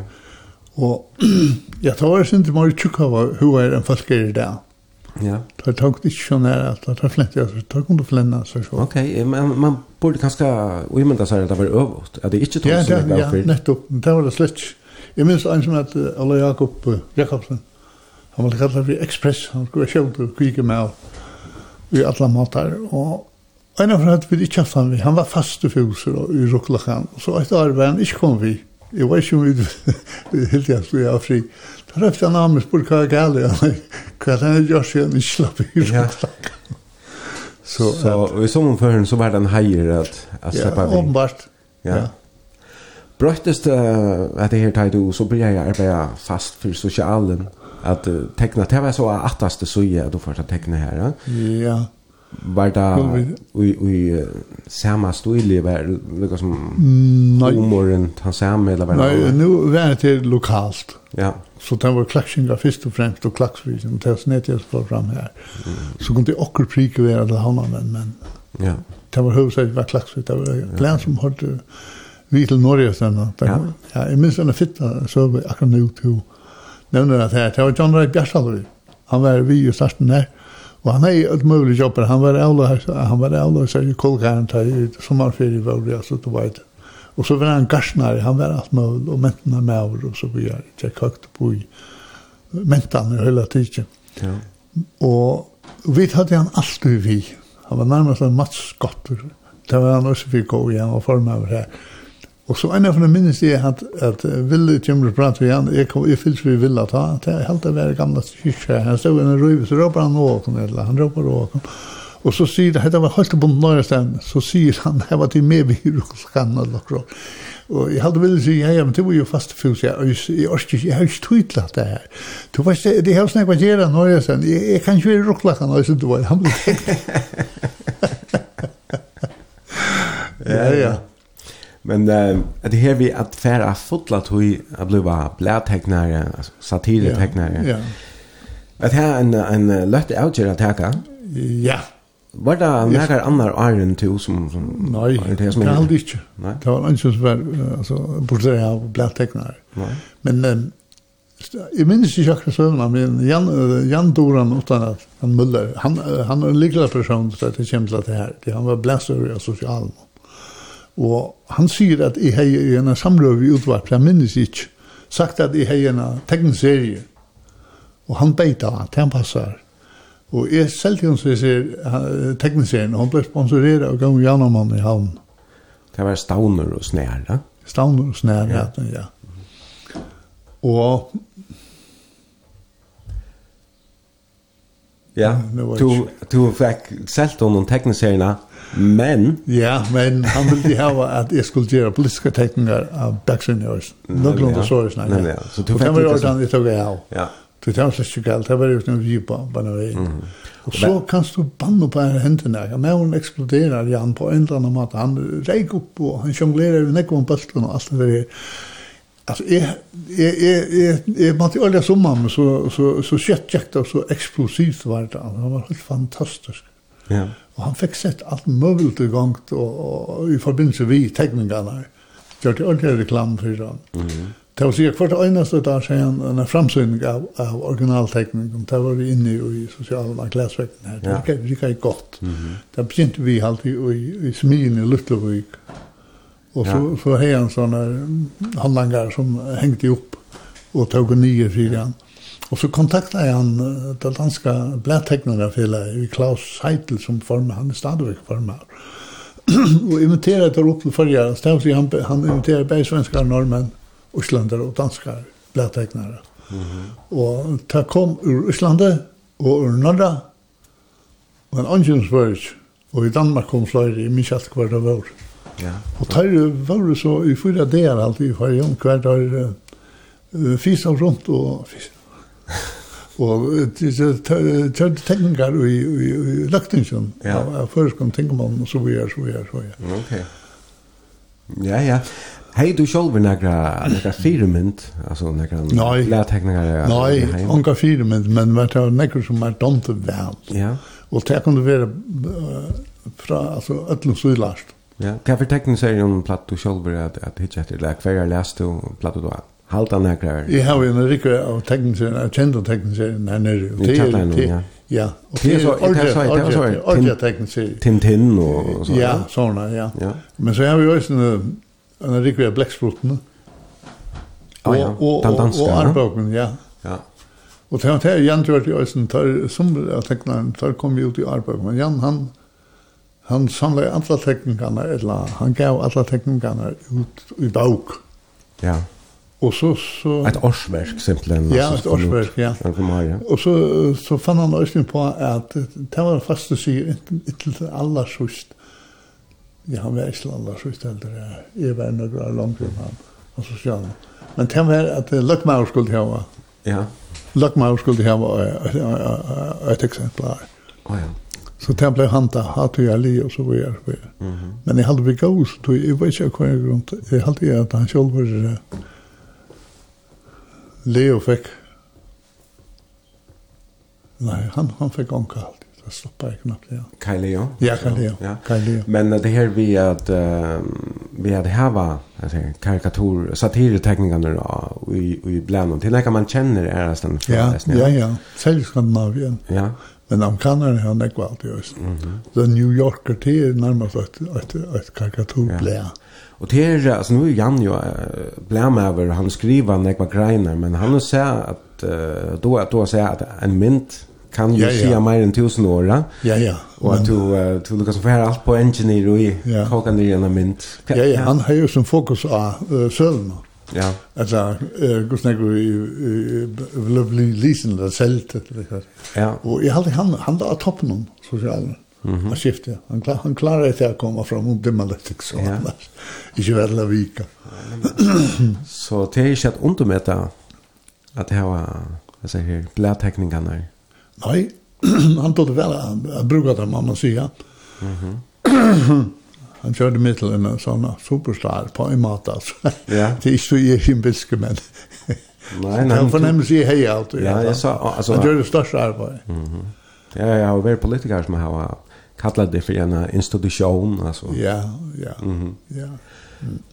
Men eh es när like som eh, en en samfellas äggleiare och som för en en samfellas rosar. Var det några som har där väl? Ja.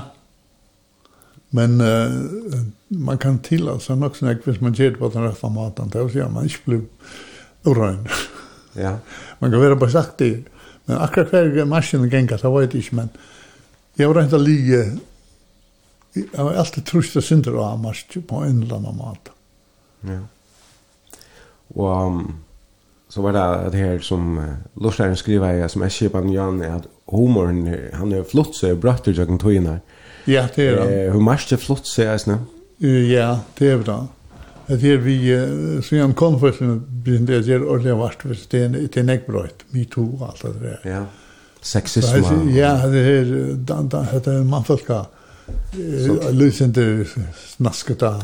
Ja, du har hon sex humor ja. Ja, några år hade du teckna nakna damer. Ja, ja, ja, men det var ett hot tag affär från Greek og en politiker.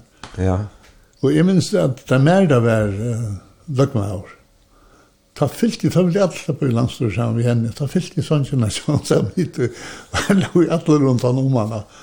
Men Det var ikke tok det for annan til det var, altså en, en satirisk teknik. Mm -hmm. Og det er ikke grunnt i det. Nei. Helt sikkert. Leit oss ikke mer meg kjeilet? Um, Nei, det var ikke. Ja, jeg var ikke. Det er kanskje passe plass. Jeg hadde man fått bare humoren. Han var lutsent der. Han var sint nyrande i konflikt. Mm. Det var han nok. Jeg har sikkert vært på samme måte. Eller så er det blitt en oppfattet av. Så kan det være det samme. Men just er just. Mm. Mm -hmm. Og det var ikke illa vår tid det ble gjørst. Nei. Hvordan ble evnene valgt ut, det som du tegnet i? Nei, ja, man fyllde vi, lustet etter utvarten og lest møyene, og, og, og fyllde jeg også i sånn halv, uh, aktu, halvaktuell søvn. Det var ikke alt som man kunne prekva, det pjøls, ikke hvis man kunne gjøre det i en stortlig vinkel, så... Ja var det några som tog Jan Tosa om hver vecka så avtala og... Nei, han rønte anka det vi ska Helst hver evne de skulle teka? Nei, jeg var ekkert för det vil jag vill Jeg halte at hade att en teckning kom og slett ikke ui. Og tant där taj og Helena för ur Janna og Och i i Okej. Okay. Så tar jag tekna henne att hon hoppar i av eh, en vinter her ute i uh, Arjum. Ja. Her er det helt til da. Og nye i familjen av Lasse som stod hun ofte igjen. Jeg halte ikke hun kom og her, men hvor stoppa jeg det var jeg ikke. Nei. Så det var, det var ikke to som valgte at hun ikke skulle komme vid. Nei, men det var den eneste som, som jeg kan kalla møvelsbløysen, så det var vekk, det var jeg ikke. Kanskje. Hun var helt sjøl, så han legger oss, det gjør det ikke. Var det ikke krevjande at uh, finna noe hoskåd til tøyene? Det var det faktisk ikke. Nei? Det kom. Hva kom det fra? Det kom bare. Ja. Og så bare, jeg husker bare mynden og replikken. Men det er vi at uh, man, man vil jo eisen enda noe til å si ångsvekkene og flytta seg til tøyene. Ja. Det er jo tøyene, som man sier. Ja. det ble sitt verre da man ble eldre. Mm -hmm. Ja. Og så er det det här om... Men uh, hadde var nok slutt til det at att nu ska jag inte rosa mig, men det var noen som sier til at till att at jeg var kommet av backsiden av sosialen, så løs først kan man ha stånd fra. ja. Ja. Det var nok uh, kanskje et av første man hukte etter du går så der där låg du black hosh så, alltså så man kom backsiden ja. om om det var en god teknikk og... Ja. Ja, Og, og, og jeg kan ställa være vi huxar nå er det jo givet vi har teckna. Ja, Om du har teckna i det, og og vikskiftes sosialen här kom ju det där la lejer där kvar kvar min tal då över backsena. Aj, ta ta med det sig. hvis du också att her Ja ja, vi ser ordentligt oran så så var det godt kort. nei jeg vet ikke jeg spelar bare altså er er det Jag håller det Jørgen Jörgen också väckna men. Ja. her skulle ju vara jävla forsiktig Ja, kvoi. Och det är det tynar är brøttar Eh, ösnen på tannatan, det tycker folk jag håller släckt ju vara stolt där att det är det som han gjort. Det gav en viss sympati, man tog synd i sån hände men det kommer inte långt. Så det blev sin farligare för, för sommar och vänner. Ja. Men kan du lade vara vid att få hoskott? om du har tjänat? Nej, nej, det kan inte, det kommer. Ja. Og jeg har finnst, jeg har langt hatt nekka hoskott, og engra seg at det er givet, men jeg er i givet. Ja, det ta, det är så en outdoor som är teaching. Ja. Men Ole har alltid vill spela en sangaträd. Och nu då sen överraskande ganska vast eh, Luciano Pavarotti. Ja. Men alltså då väl opera alltså. Mm. Ja. I kvart fall ja, det är populär i opera. Jag har inte jag har varit i opera så jag. Är det väl det konsert vi Pavarotti? Ja, ja, nej, inte Pavarotti men vi lokala sångare när Konglig opera. Ja det er mye stolt. Ja. Og akkurat dessen her uh, sangren Nessun Dorma. Ja, Dorma vel. Mm -hmm. Det er en arja. Ja. Ja, mm, og det er altså 2400, eller Facebook-synet, så brunch, at du kan sende en helsan, en avimmersing, eller en spurning til Ola P, som altså er gestor i det. Nå skal vi høre Luciano Pavarotti Nessun Dorma.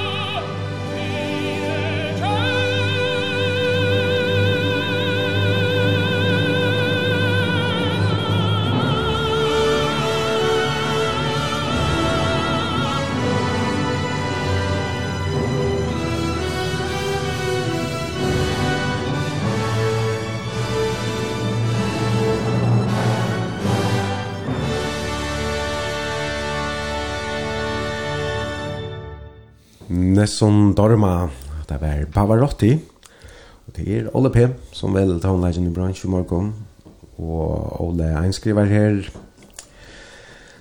Ole Stottel den lorsta, du er over at tekna Abba min, Ole Jakob, i eier en luttland skulptur av Abba som du har telt ur en omperotre. Jeg fikk han fra Herman. Ja. så du har eisen kjørst skulptur her? Nei, ikke lute, men jeg kjørte en stottel. Det var Jeg må ikke ha sitrontre, men det må utpere Og det er også døylig til her, ungar åringer ut og veit, og ikke fengar av strukturen og sånt. Og hadde det telt igjen fotling nå, så jeg veit ikke. Ja, ja. Han er en festlig person. Ein annan skriver, Oli er i en klassa 4C som satirtegnare, bæra helt genialer, doer fram, doer fram ur at tekna og hever en framurgåan humor, og doer ser vel at ekleja folk. Han er eisne stuttlir og ahoaverdelig at lusta etter. Heilsan ein damalustare argeng 35 hinne minna fjør. Ja, her er det komna her nekvar vi mersingar. En annan skriver her, her nekrar menn eldast ikkje, så er vi Ola. Fantastiska beinraknar, prikande, beinraknar, prikande tekningar han hever stuttlega okkom vi. Annars så har vi teatel felags, vi elska evers tåp, og sonen som en top. Altså, en festlig maver. Ja, ja. Men Ola, at det vi at tekna satire, er det nøkker evner som man absolutt ikke kan vidgjøre? Det burde ikke være med det da. Men hva er det skal ikke komme nær inn på. Ja, jeg er du ikke på om...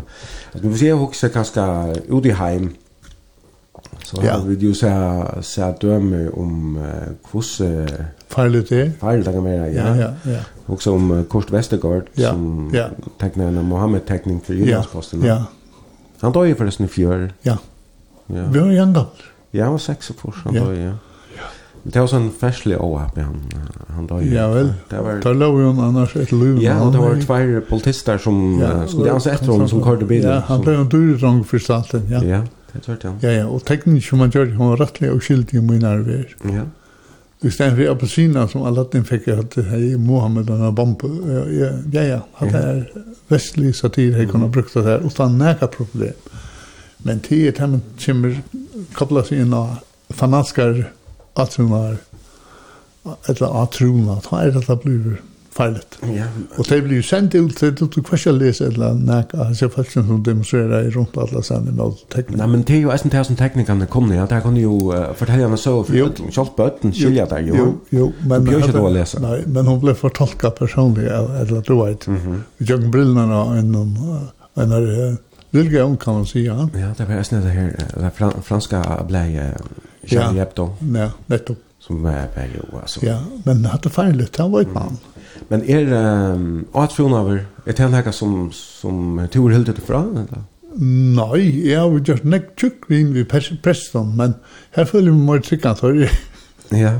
Det er ikke ferdig, ikke på tannmaten, altså. Jeg vet ikke hva det kommer at han Nei, du har omgått tekna en, en muslim, eller du har omgått tekna Mohammed. Jo, nei, la meg, men jeg gjør gjerne Mohammed tekning, det minnes jeg. Og her setter jeg, tar Jesus og Jeg var ikke Moses og Buddha, omkilda Buddha og Jesus og akkurat noen av rett. Mm -hmm. Og så satt jeg bare lykka i hælen av en mann som leip ut av mynden. Og så røpte jeg anker av, av henne, jeg må bare kjenne Jesus, at må han til pjøkja være så bensk jeg ble av mynda. Men jeg tar ikke sett han inn, men jeg halte av sandalen såst, og tatt lager han. Han får vekk, ja. Ja. Så det är det är du kanske ens nu hooks om att det det det förstår du inte helt vi alltså att du sa att så är klar avlängan var det. Nej, det är för andra var. Men men det är ju det är ju en pastor av av tal ju skriver för skruvar för alltså någon till för alltså. Ja ja, jag vet inte, men och kan man ta tar man det är det är explosivt. Mm. Och nu blir det säkert av problem, men jeg hade man skulle först en neggvarnare inflytare politiken man har gjort. Ja. Og det er også som ikke forstand, det er hvor fyrtja vidt uh, Taliban, direkte vid øysa der under pengene fra at et mulig hjelperstand. Nei, jeg spyr det. Mm, Ja, men... Uh, men ja. Og nå kommer, uh, jeg vet ikke, en million afghaner kommer nå hentet av når møter Europa. Mm -hmm. Gjørs vel, takk med dem. Du må få tekne etter. Ja, jeg sagt du, jeg kunne godt bli vi, men nei, til i Men kravde det der vi annars at... Uh, att det är så teknikerna ja. Nej, allt är så är fullt det onkant. Onkant är så att du huxar god vite vad nu händer. Nej, onkant. Är du näkan du blir en hötter? Nej, onkant. Okej. Ja, onkant blir en hötter. Jeg minns det var... Ongan støvnter, helt. Vi klakksug var det en kona, jeg hei tekna en kortesje, det var Konga, det var konga vi kjenner klakksugge, her en bukkebil kom ned i midtelen vår, det var året, han kom nian fra bukkeplassen og rakte mitt i kvartistene, så han slapp vid, der rann i grunnen, altså, og her er tegna nekva som stod i hukte, du det gjør det slapp kjengar, så stod vi i hukte etter en kongelig, og så var det omkring kullen som jeg kjent, som hei bidla unna, så kylkon jeg ser inn, at hatta var hon som jeg tegna her, Nå luktes det og lydde synder, men det var røynt tilfeldighet. Hon var bara en av, av mångten som stod och glötte här. Hon blev sur. Ja, okej. Okay. inte jag. Och det var ju en gång till. Nej, nej, nej, nej. Men det vet teckna privatpersoner, jag tänker som du är snur. helt det fra. Nej, jag har tecknat det jag har tecknat några privat karikaturer då. Där fjes anled. Ja, nej, jag också kanske och i blädteckning att det är allmänna personer som är uttagna. Ja, nej, ja, onkel ja, ja, jag vet inte hur ska säga det här. Men det är nog så fitt att tjuvas Alltid alltid verre enn så, slett ikke. Her er nøkker som tog seg tikkner av at matene maten er i høgten på. Mm -hmm. Og jeg minns det ble spurt til det av en journalist, hvor jeg tekner alt så gjøta.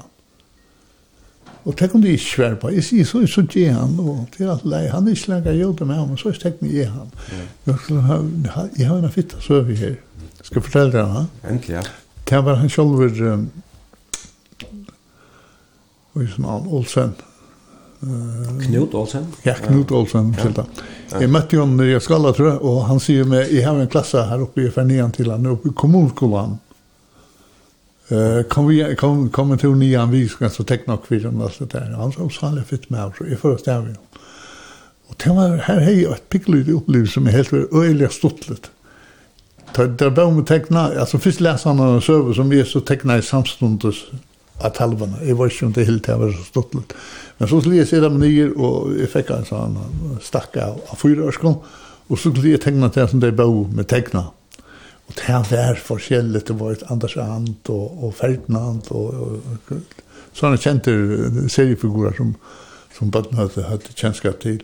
Og så er det en fitt drang som kommer opp, og så spyr han meg om kanskje ikke tegna meg Anfen Karlsberg. Og så stod han på jeg, og jeg smekket Anthony, han lukket som en ikon. Han ser ut som en sånn dokka, som jeg leier, og rosenmunn og alt det her, gav av frisyr, og så gjør det. Og så leter hun inn han hekkene, at han har lyst hon akkurat, så sier jeg, er du familie ved Anfen? Nei, men så la, hvordan var du til at han ser så ut? Du så jo tekna du. Så her ble jeg tidkjent. Ja. Så ja. så så näkt tro folk på teckningen så där. Ja, uppenbart. Ja. Men så då här har lugat finns det några utfinningar om, om teckningarna. Ja, det har vi nok. mm. för väldigt la. Ja. Men när kan du här du vi harmer att han har ganska enkla sånt där. Nej, det är alltid. inte. Så hon kan det att Du får onka trångt att komma med några ombering till. Eh fiskar du eller har du missar? Nej nej nej jag spelar bara. Nej det du tecknar så näck du tecknar ja, nei, nei, nei, nej, nei, nej, nei, nei, nei, som sagt jeg har helt angår at finnes några par person på alle. Nej. Det var en som prövade att det halva med og det och han själv hundmor. Ja ja. Og det var i forbindelse vi han er en høyla öppne i i sån bland som det gav ut fräckner. Mhm. Kvar han dokumenterar hur så oron är vi högna. Mhm Okej, ja. Og til mulig er det der att lyssna det var Mm. Ja, det är det nærmeste. Ja, og det här vi objektivitet altså i, i teknik noen, eller meningen til en självon. Er det noe, bara det noe som du husker om at Det ikke skulle sko inn i jökning för att vi själva kvar det Nej, rent jag være så bra som kunde men jag fick det man man hever en holdning. Mm.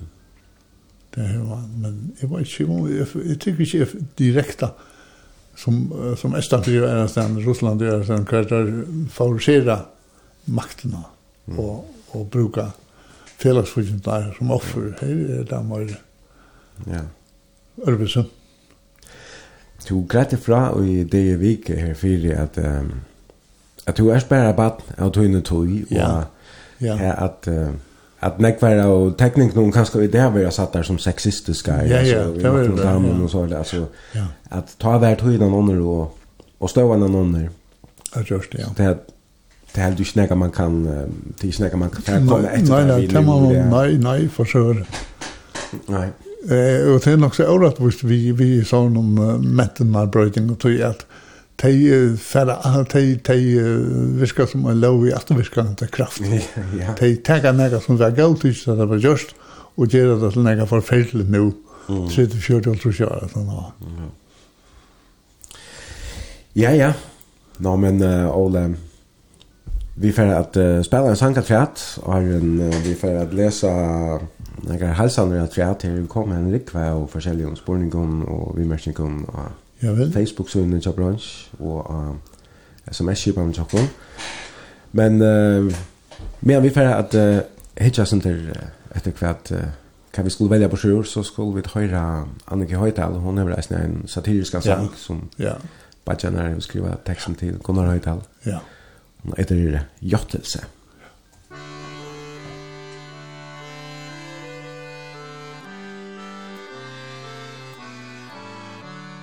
A papen kom gålande heima ina natt At han hei smildra hin vesta Ta visste hetta var meira en spott Mun veru vildi sårast og bresta.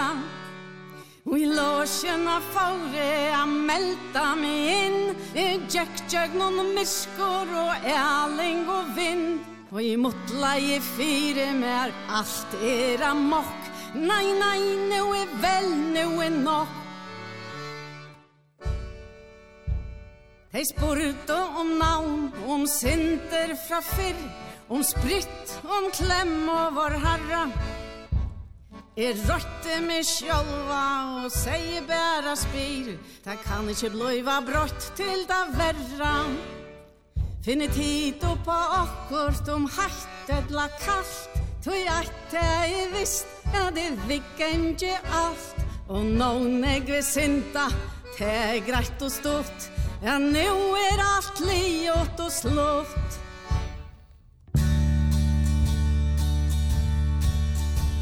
Han pape mun bultrar som tåran og hegg Ta siste mun kyklast vi mannon Og mamma vil så alla stå bojter och i negl. Vinn och Ilias borska om tonnon Er sjolv varste sokkanar og i akva vekt Og badje moin er ikkje hetta, men hitt. Ta søtte tei vimme, den skom og det skil. Vid vita at nøye må til. Og samt kom han stona i hoff og så puff. Som vilt og teier til somol kattna Som våre teg komen til seinasta soft. Og knapp lia vær i ein stjedna Jeg visste ikkje sjål hver alt detta vær. Men innan stod i soffan og håret i svær. Vi fire djeva tær alt. Du er frest fra her.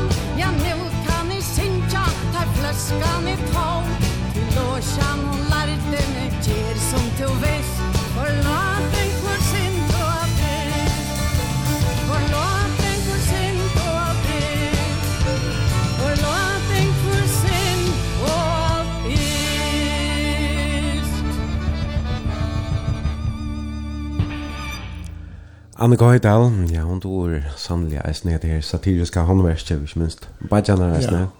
ja. Det var sankeren Jottelse. Vi sender i morgen av skala til Ole P, som har vært gjester nå i kjøtt hver timer. Og heller kom der nekvar halsaner og bimerkningar av sms-kipene og Facebook-søgnet til bransj. Men Oli her til uh, aller senast. Du er ikke given vi har tekna, jeg har aldri vært 20 år at du... Uh, jo, det har nødgjørs ofta, det har gjort nødgjørs teknikene som tar sørste teknikene. Ja. Og det er den nødgjørs år som fotar det gamle år i av. Og det nødgjørs år, men her brøyding fra, det er veldig nærmest en nøyføring, en grulvar til nødgjørs år, ja. Og han sier eldre at det er en gamle kjepelse det ferne er vekk ved tog. Ja. Korona er det. Og det eneste næste som er jo synder og er kjent til det at, at høyre bøyen og hesten nere nødje Arnan er en hestehikvor. Han stinger lykke undan. Mm. Og så yngst det bare godt nødje Arnan og Og når jeg undersett i et eller annet, jeg minns alt, det er røyma jeg i Øtland før. Jeg tar alt sørste teknisk. Så nu er uh, Nu er slott punktum för Ja. Du har tecknat ja, jag har tusen uh, tusen av oss av teckningen. Du skal si at det er at det som blir sendt nio till til varvarsliga att kongle bildis till alltså där danska tanner plattanner för tar finke tar bo om og tar finke originalen sammen men ta er sett på tre og til nekker som er i voice ordentlig Men uh, jeg halte ligger i sted angstene med 3-4 tusen vi har tegnet sosialen om. Altså av backsyretegning. Mm -hmm. Så gjør de øsne ærer. Ja, ja, her er alt hitt ikke vi. Rokkelakken. Ja, nei, og slett ikke, nei. Det er bare det her sosialen, ja. Og, ja, nu, til dømes inn ja portalen og her kan man nesten fære inn enn i det og så kjenner jeg hver teknikken så der. Ja, du, jeg har forresten ikke vært hukt dette, kan man ta? Ja. Men du, er det skarspar? Eller er det Det er absolutt skarspar, ja, ja. Er det det? Ja, her er ivelig, man kan fære inn og så inn og så så fære man at ivelig til teknikken der, jeg halte her i reisende Ja. Jeg må være i fossværen i hundre og trus teknikken Ok, ja, ja, det er nok flere enn det. Ja men det kan kanske kanske alla är kommer ut. Nej, det är det det är sin flush allt och fri över tog. Ja, men det är bara värvat där alltså det är ju originaleren ja. som vi ja. arbetar. Ja. Ja. Eh, är det är det list ta ta Du alltså här är list på bandgårdsskolan. Det är ni inte att bekymra inte så grunden. Mhm. Men det är då nu väl eh, att det kan kallas Ja, så tar hilde tar hilde til här nu er er hatta sound så tar man det. Det er ju sånn kongelig bibliotek eller vad. Det er det det är flott til Aarhus nu. Okej. Ja, tar tar tar flott kulturen ut. Ja, men det, alltså kan en satirteckning være et listeverk? Det er jag ikke så på. Det er jag ikke så på. Hva er list. Ja, det er nemlig at det jag kväll er list. Og det er nok suttlet. Jeg var av en nærmest et luksusmuseum i, i Herning, og det er det hardt, altså H, større H, og så A-R-T. Mm -hmm. Og her var hovedsfram utstillaren til ferien her. Det var en lista medvår som utelukkande arbeidde ved sin egna affering. Fyrt er pent, altså kokker fra meg selv. Og han hei, han hei forskjellige, det var alt naturlige former, sies Ta ta var ikke kjøtt vidt, han er bare puttet det inn i sånn uh, plastrør som han så er lukket til, og så i en montre, og så stod det av en sånn solestoppa som minner jeg synder om at det er i Davrovika, det var det vi. Men altså, kommer folk virkelig ja, ja, ja, inn og hitje etter tog? Ja, folk kommer hitje etter tog, og så er det der hvert er list, hette list. Det fast ju till att vi utstilla en en anerkänd museum. Men det är list bara att jag det är Kan man jätte är den här är det list du kan spela onkel som skilfrid det är ju visst onkel hälsa till för det måste vara är anska det men Jag talade att det var jeg fann jeg mer kvart i ætlum føren. Du var herslig til, så fransen. Og jeg, men jeg har også mine mine gonta, jeg helt han var ikke ærlig nok, jeg får ærlig tatt til øyelt alt, jeg prøver å lukta. Jeg var ikke, jeg var pura tatt. Altså, jeg mener, en lorste skal lukta lorste til alt men alltså en lorster vill bara alltid vara en lorster alltså kan Jo jo, men alltså jag hade väl hade list. Hade väl ut att han tog inte lukt så som vi det kunde gott att göra det där en sån Ja. Men det länge stod det till man kan se om han var mannen här eller om han sa förfylligt hade väl skit. Ja.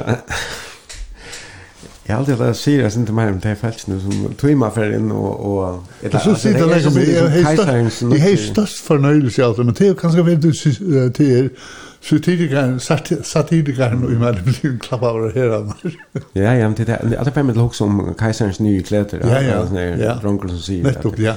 Tu er eisen blir samme løkner med den lykla dronken. Ja, ja, han skal ha stål sympati for jo. ja, men min kjatter om det var oppe i Ellemann som samme løkner det vi handler om det var uh, Astrup, eller hva det var. Men, Astrup, ja, han, han var ordentlig for lypter på meg, Astrup, han brukte meg. ja. Ja, ja, men du har ju haft några framsynningar och det var resten jubileumshalt. Ja, ja. Han, han, han, han, han donerade mig på tammatan. Jag fick en 50 000 från Aslo, eller fra. Då hade jag en eller annan grund kvar där kom Okej, okay, som stod alltså. Ja. Jag är alltid Gustav Rörna. Jag tycker Jan har en finger vi i spelen här också. Mm, ja. ja. Men du har eisen just nek amma, skal du ikke nevne, nu har du ikke tås om det men du har jo tekna eisen i nek om bøkron. Ja, du ser bøkron, ja. Um, ja. Øysten og badnabøker. Jeg var ikke mer så gav til badnatekninger, men jeg har også gjort det. Mhm. -hmm. Matematikbøker enda, du visste mer... Ja, det er Jespersen, det er... Paul Jespersen, ja. Michel Kostariti, ja. Og så har du tekna frimærkje, jolamerkje. Ja, det har vi gjort, ja. Jolamerkje, Øysten, ja. Mm. Så det er nekk, nekk imest. Øyla vi imest, ja. Jeg har, jeg har vært nok så arbeidsamer alltid. Mm -hmm. Jeg er ikke. Ikke lia løtt, så jeg er. Ja, hva vil du helst minnast fyrir? av det som du tecknar.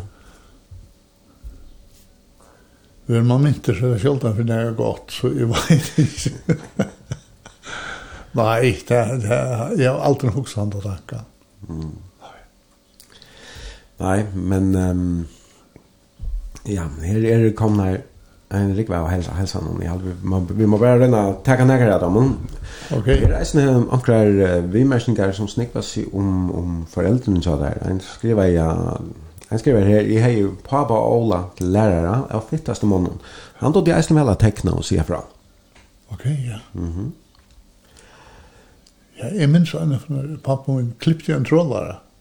Ja, klippte, altså. Han klippte vi sakse, ja. Ja, Og han rikar godt, jeg var imponerad av han, jeg var helt løy til ta. Det er alt jeg så ikke han gjør det der her, sånn. Ja. Det er mulig stendte okkur i meg, det vet jeg ikke. Ja, Ein skriver her, ein av fyrir dekorera i uh, Oli et telt som fyrir tele. Han er en fantastisk god humor. Ser av hva verst, han pleier å komme i kahutten at jeg bada fyrir han skala. Du pleier ganske genga her, du. Ja, jeg er limer, ja.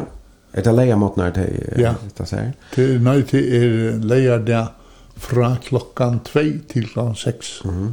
Ok, men en skriver her, um, hei Ole, det er godt å høre den rødt at vi sakna det til morgenkaffe, og vannande blir det ikke lunch at tre til du kommer om natt.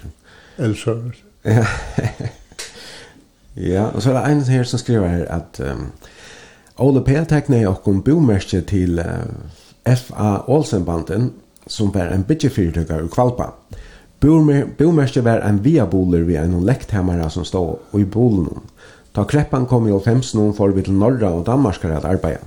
Og i Danmark minnes det at vi ena fikk hørt forbi en papa som tjekk tur vi luttla Sonesøyna. Sonen har vært om 8-9 alter, og han peika i etter bilen og røpte, Fa, se, Olsenbanden! Han minns ikke. Nei, du minns, du minns ikke at du tekna i bilen? Nei, nei, det er akkur som, ja, ja. Det er så eisen kjørt at her vi, vi eh, skilter och anna fyrir fyrtöker. Ja, det har vi gjort, ja. Mm.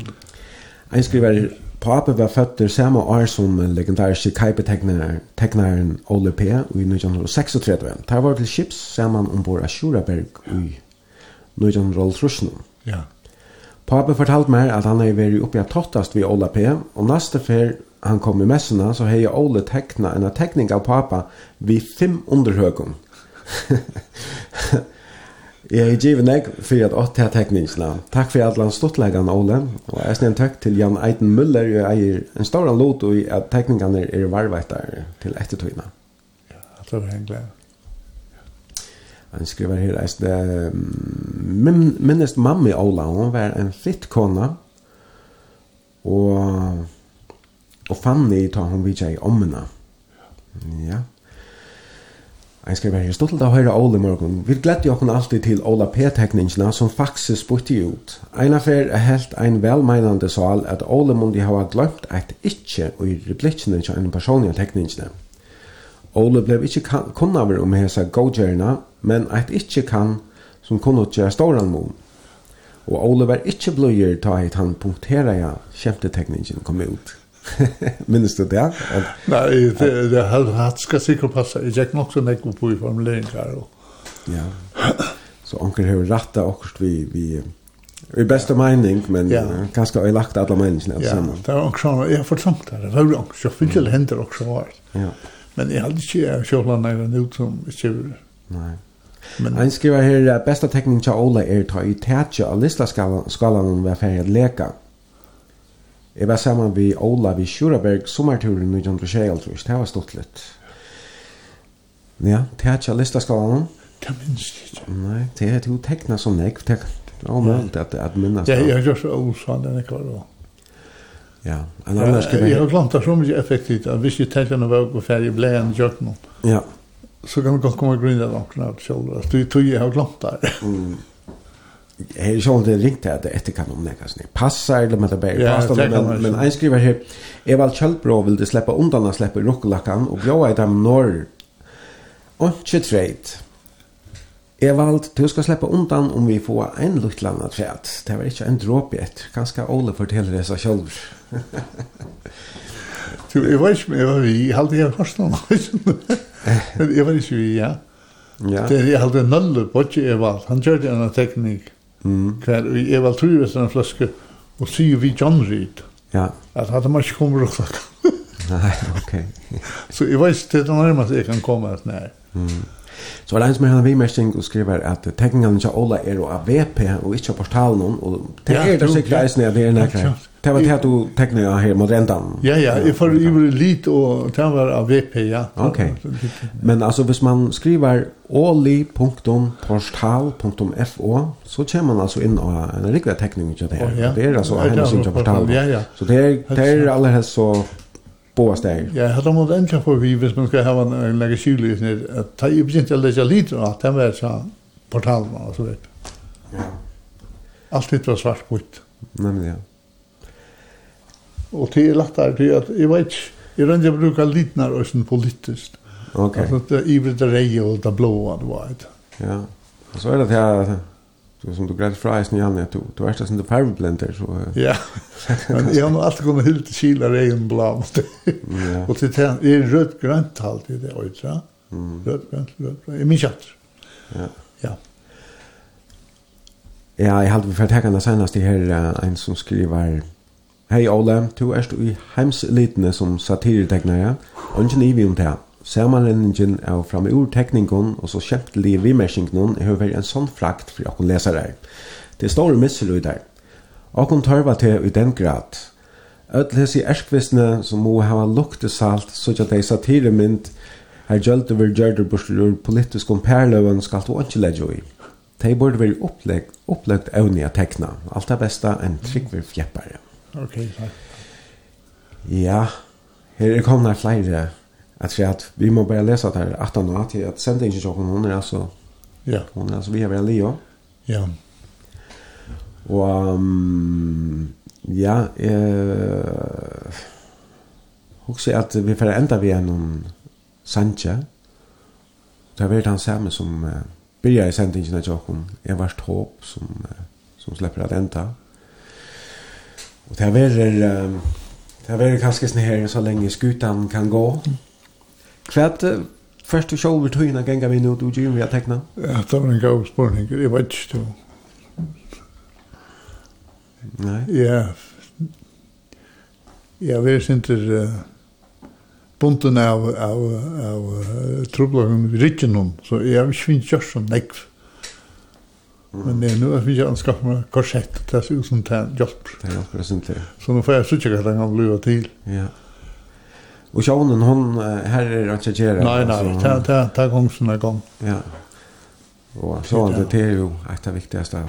Ja, ska tänka Ja. Otroligt viktigt. Man man man man vill ju se berusar sig själv för man vill är det vi vi missar något alltså. Nej nej. Ja. Det är Men man kan heller inte känna att han inte bara kostar vi och se fan jag hittar och att det är hopplöst. Men du, du glädde mig fra att jag att du kan Du kan läsa eller så jag vet inte för läsa men det säger jag kan jag kan ju jag kan blåsa text upp på iPaden. Ja. Men uh, men för att när för hur du knalla hand nu i ja. mikrofonen alltså där kan jag bara nu. Och det är nog eisen där vi här att uh, du kan ju säga och så. Nej, det jag har andra i färg och ja. och heter vi avstanden till inte så gott att döma vi en i. Nej, nej, nej. Det är inte. Sälja det heter det som ett tatt på. Det smäcker mig alltid ut. Ja, du har en mikrofon stående framför dig. Det är nog Ja. Flyer för här. Ja, ja, helt klart. Sen det när du kunde Och den hur schalt så när kom på tischen för det. Nej, men alltså vad ska jag ta känna mig så jag hoppas inte att Lustein blir ju vet du det är ju sånt där man kan göra något vi så. Nej. Men det är är inställt här alla bäst i etne i framtiden och vi är nog många som för jag saknar myndnar, kämpte myndnar och du har hej en helt äh, egna stil den här Här blev uh, formanner och Palleba och, og det är några fasta personer som, som också vekna har finnes ja. vad sånn, så det är egna liv alltså. Ja, ja. Alt hem du tekna. Men för att tacka dig för det. Allt det som du har Ja, själv tack. takk. Gjørst. Själv tack. Och tusen tack för att du kunne komme og vitja til og Susanne her i Skala. Och många tack för en lekkran brunch som vi där sitter ju nå gott där har vi igjen. Ja, vi da har sendt och spalt tonleik får jag tacka alla lustarna nästan som har sent uh, vimersingar och spurningar och hälsaner. Det är en rikva och hälsan kom och vi får jag kring att alla är nu att han ska nog läsa där fyra där. Hetta var alltså brunch hesa fer Chester var Ole Petersen, bedre kjent som Ole P. Jeg er Jeffen Jensen, og bare etter vi brunch, og noen gjester kommer til leger der klokken 5 minutter i vi. Takk du som lortet her, og godt vikeskiftet.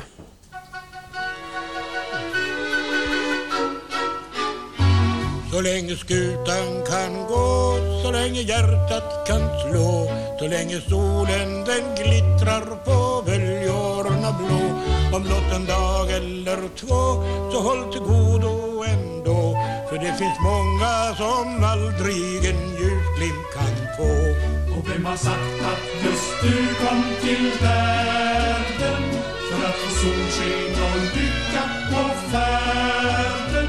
Att under stjärnornas glans bli purrad ut i en skans. Att få en kyss eller två i en nylande dans.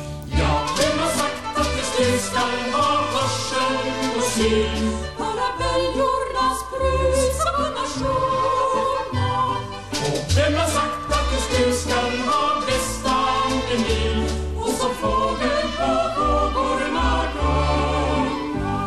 Och vi motorernas gång Och ifall vakten blir lång Så minns jag snart hämtar klockan dig ding ding dong. Så länge skutan kan gå Så länge hjärtat kan slå.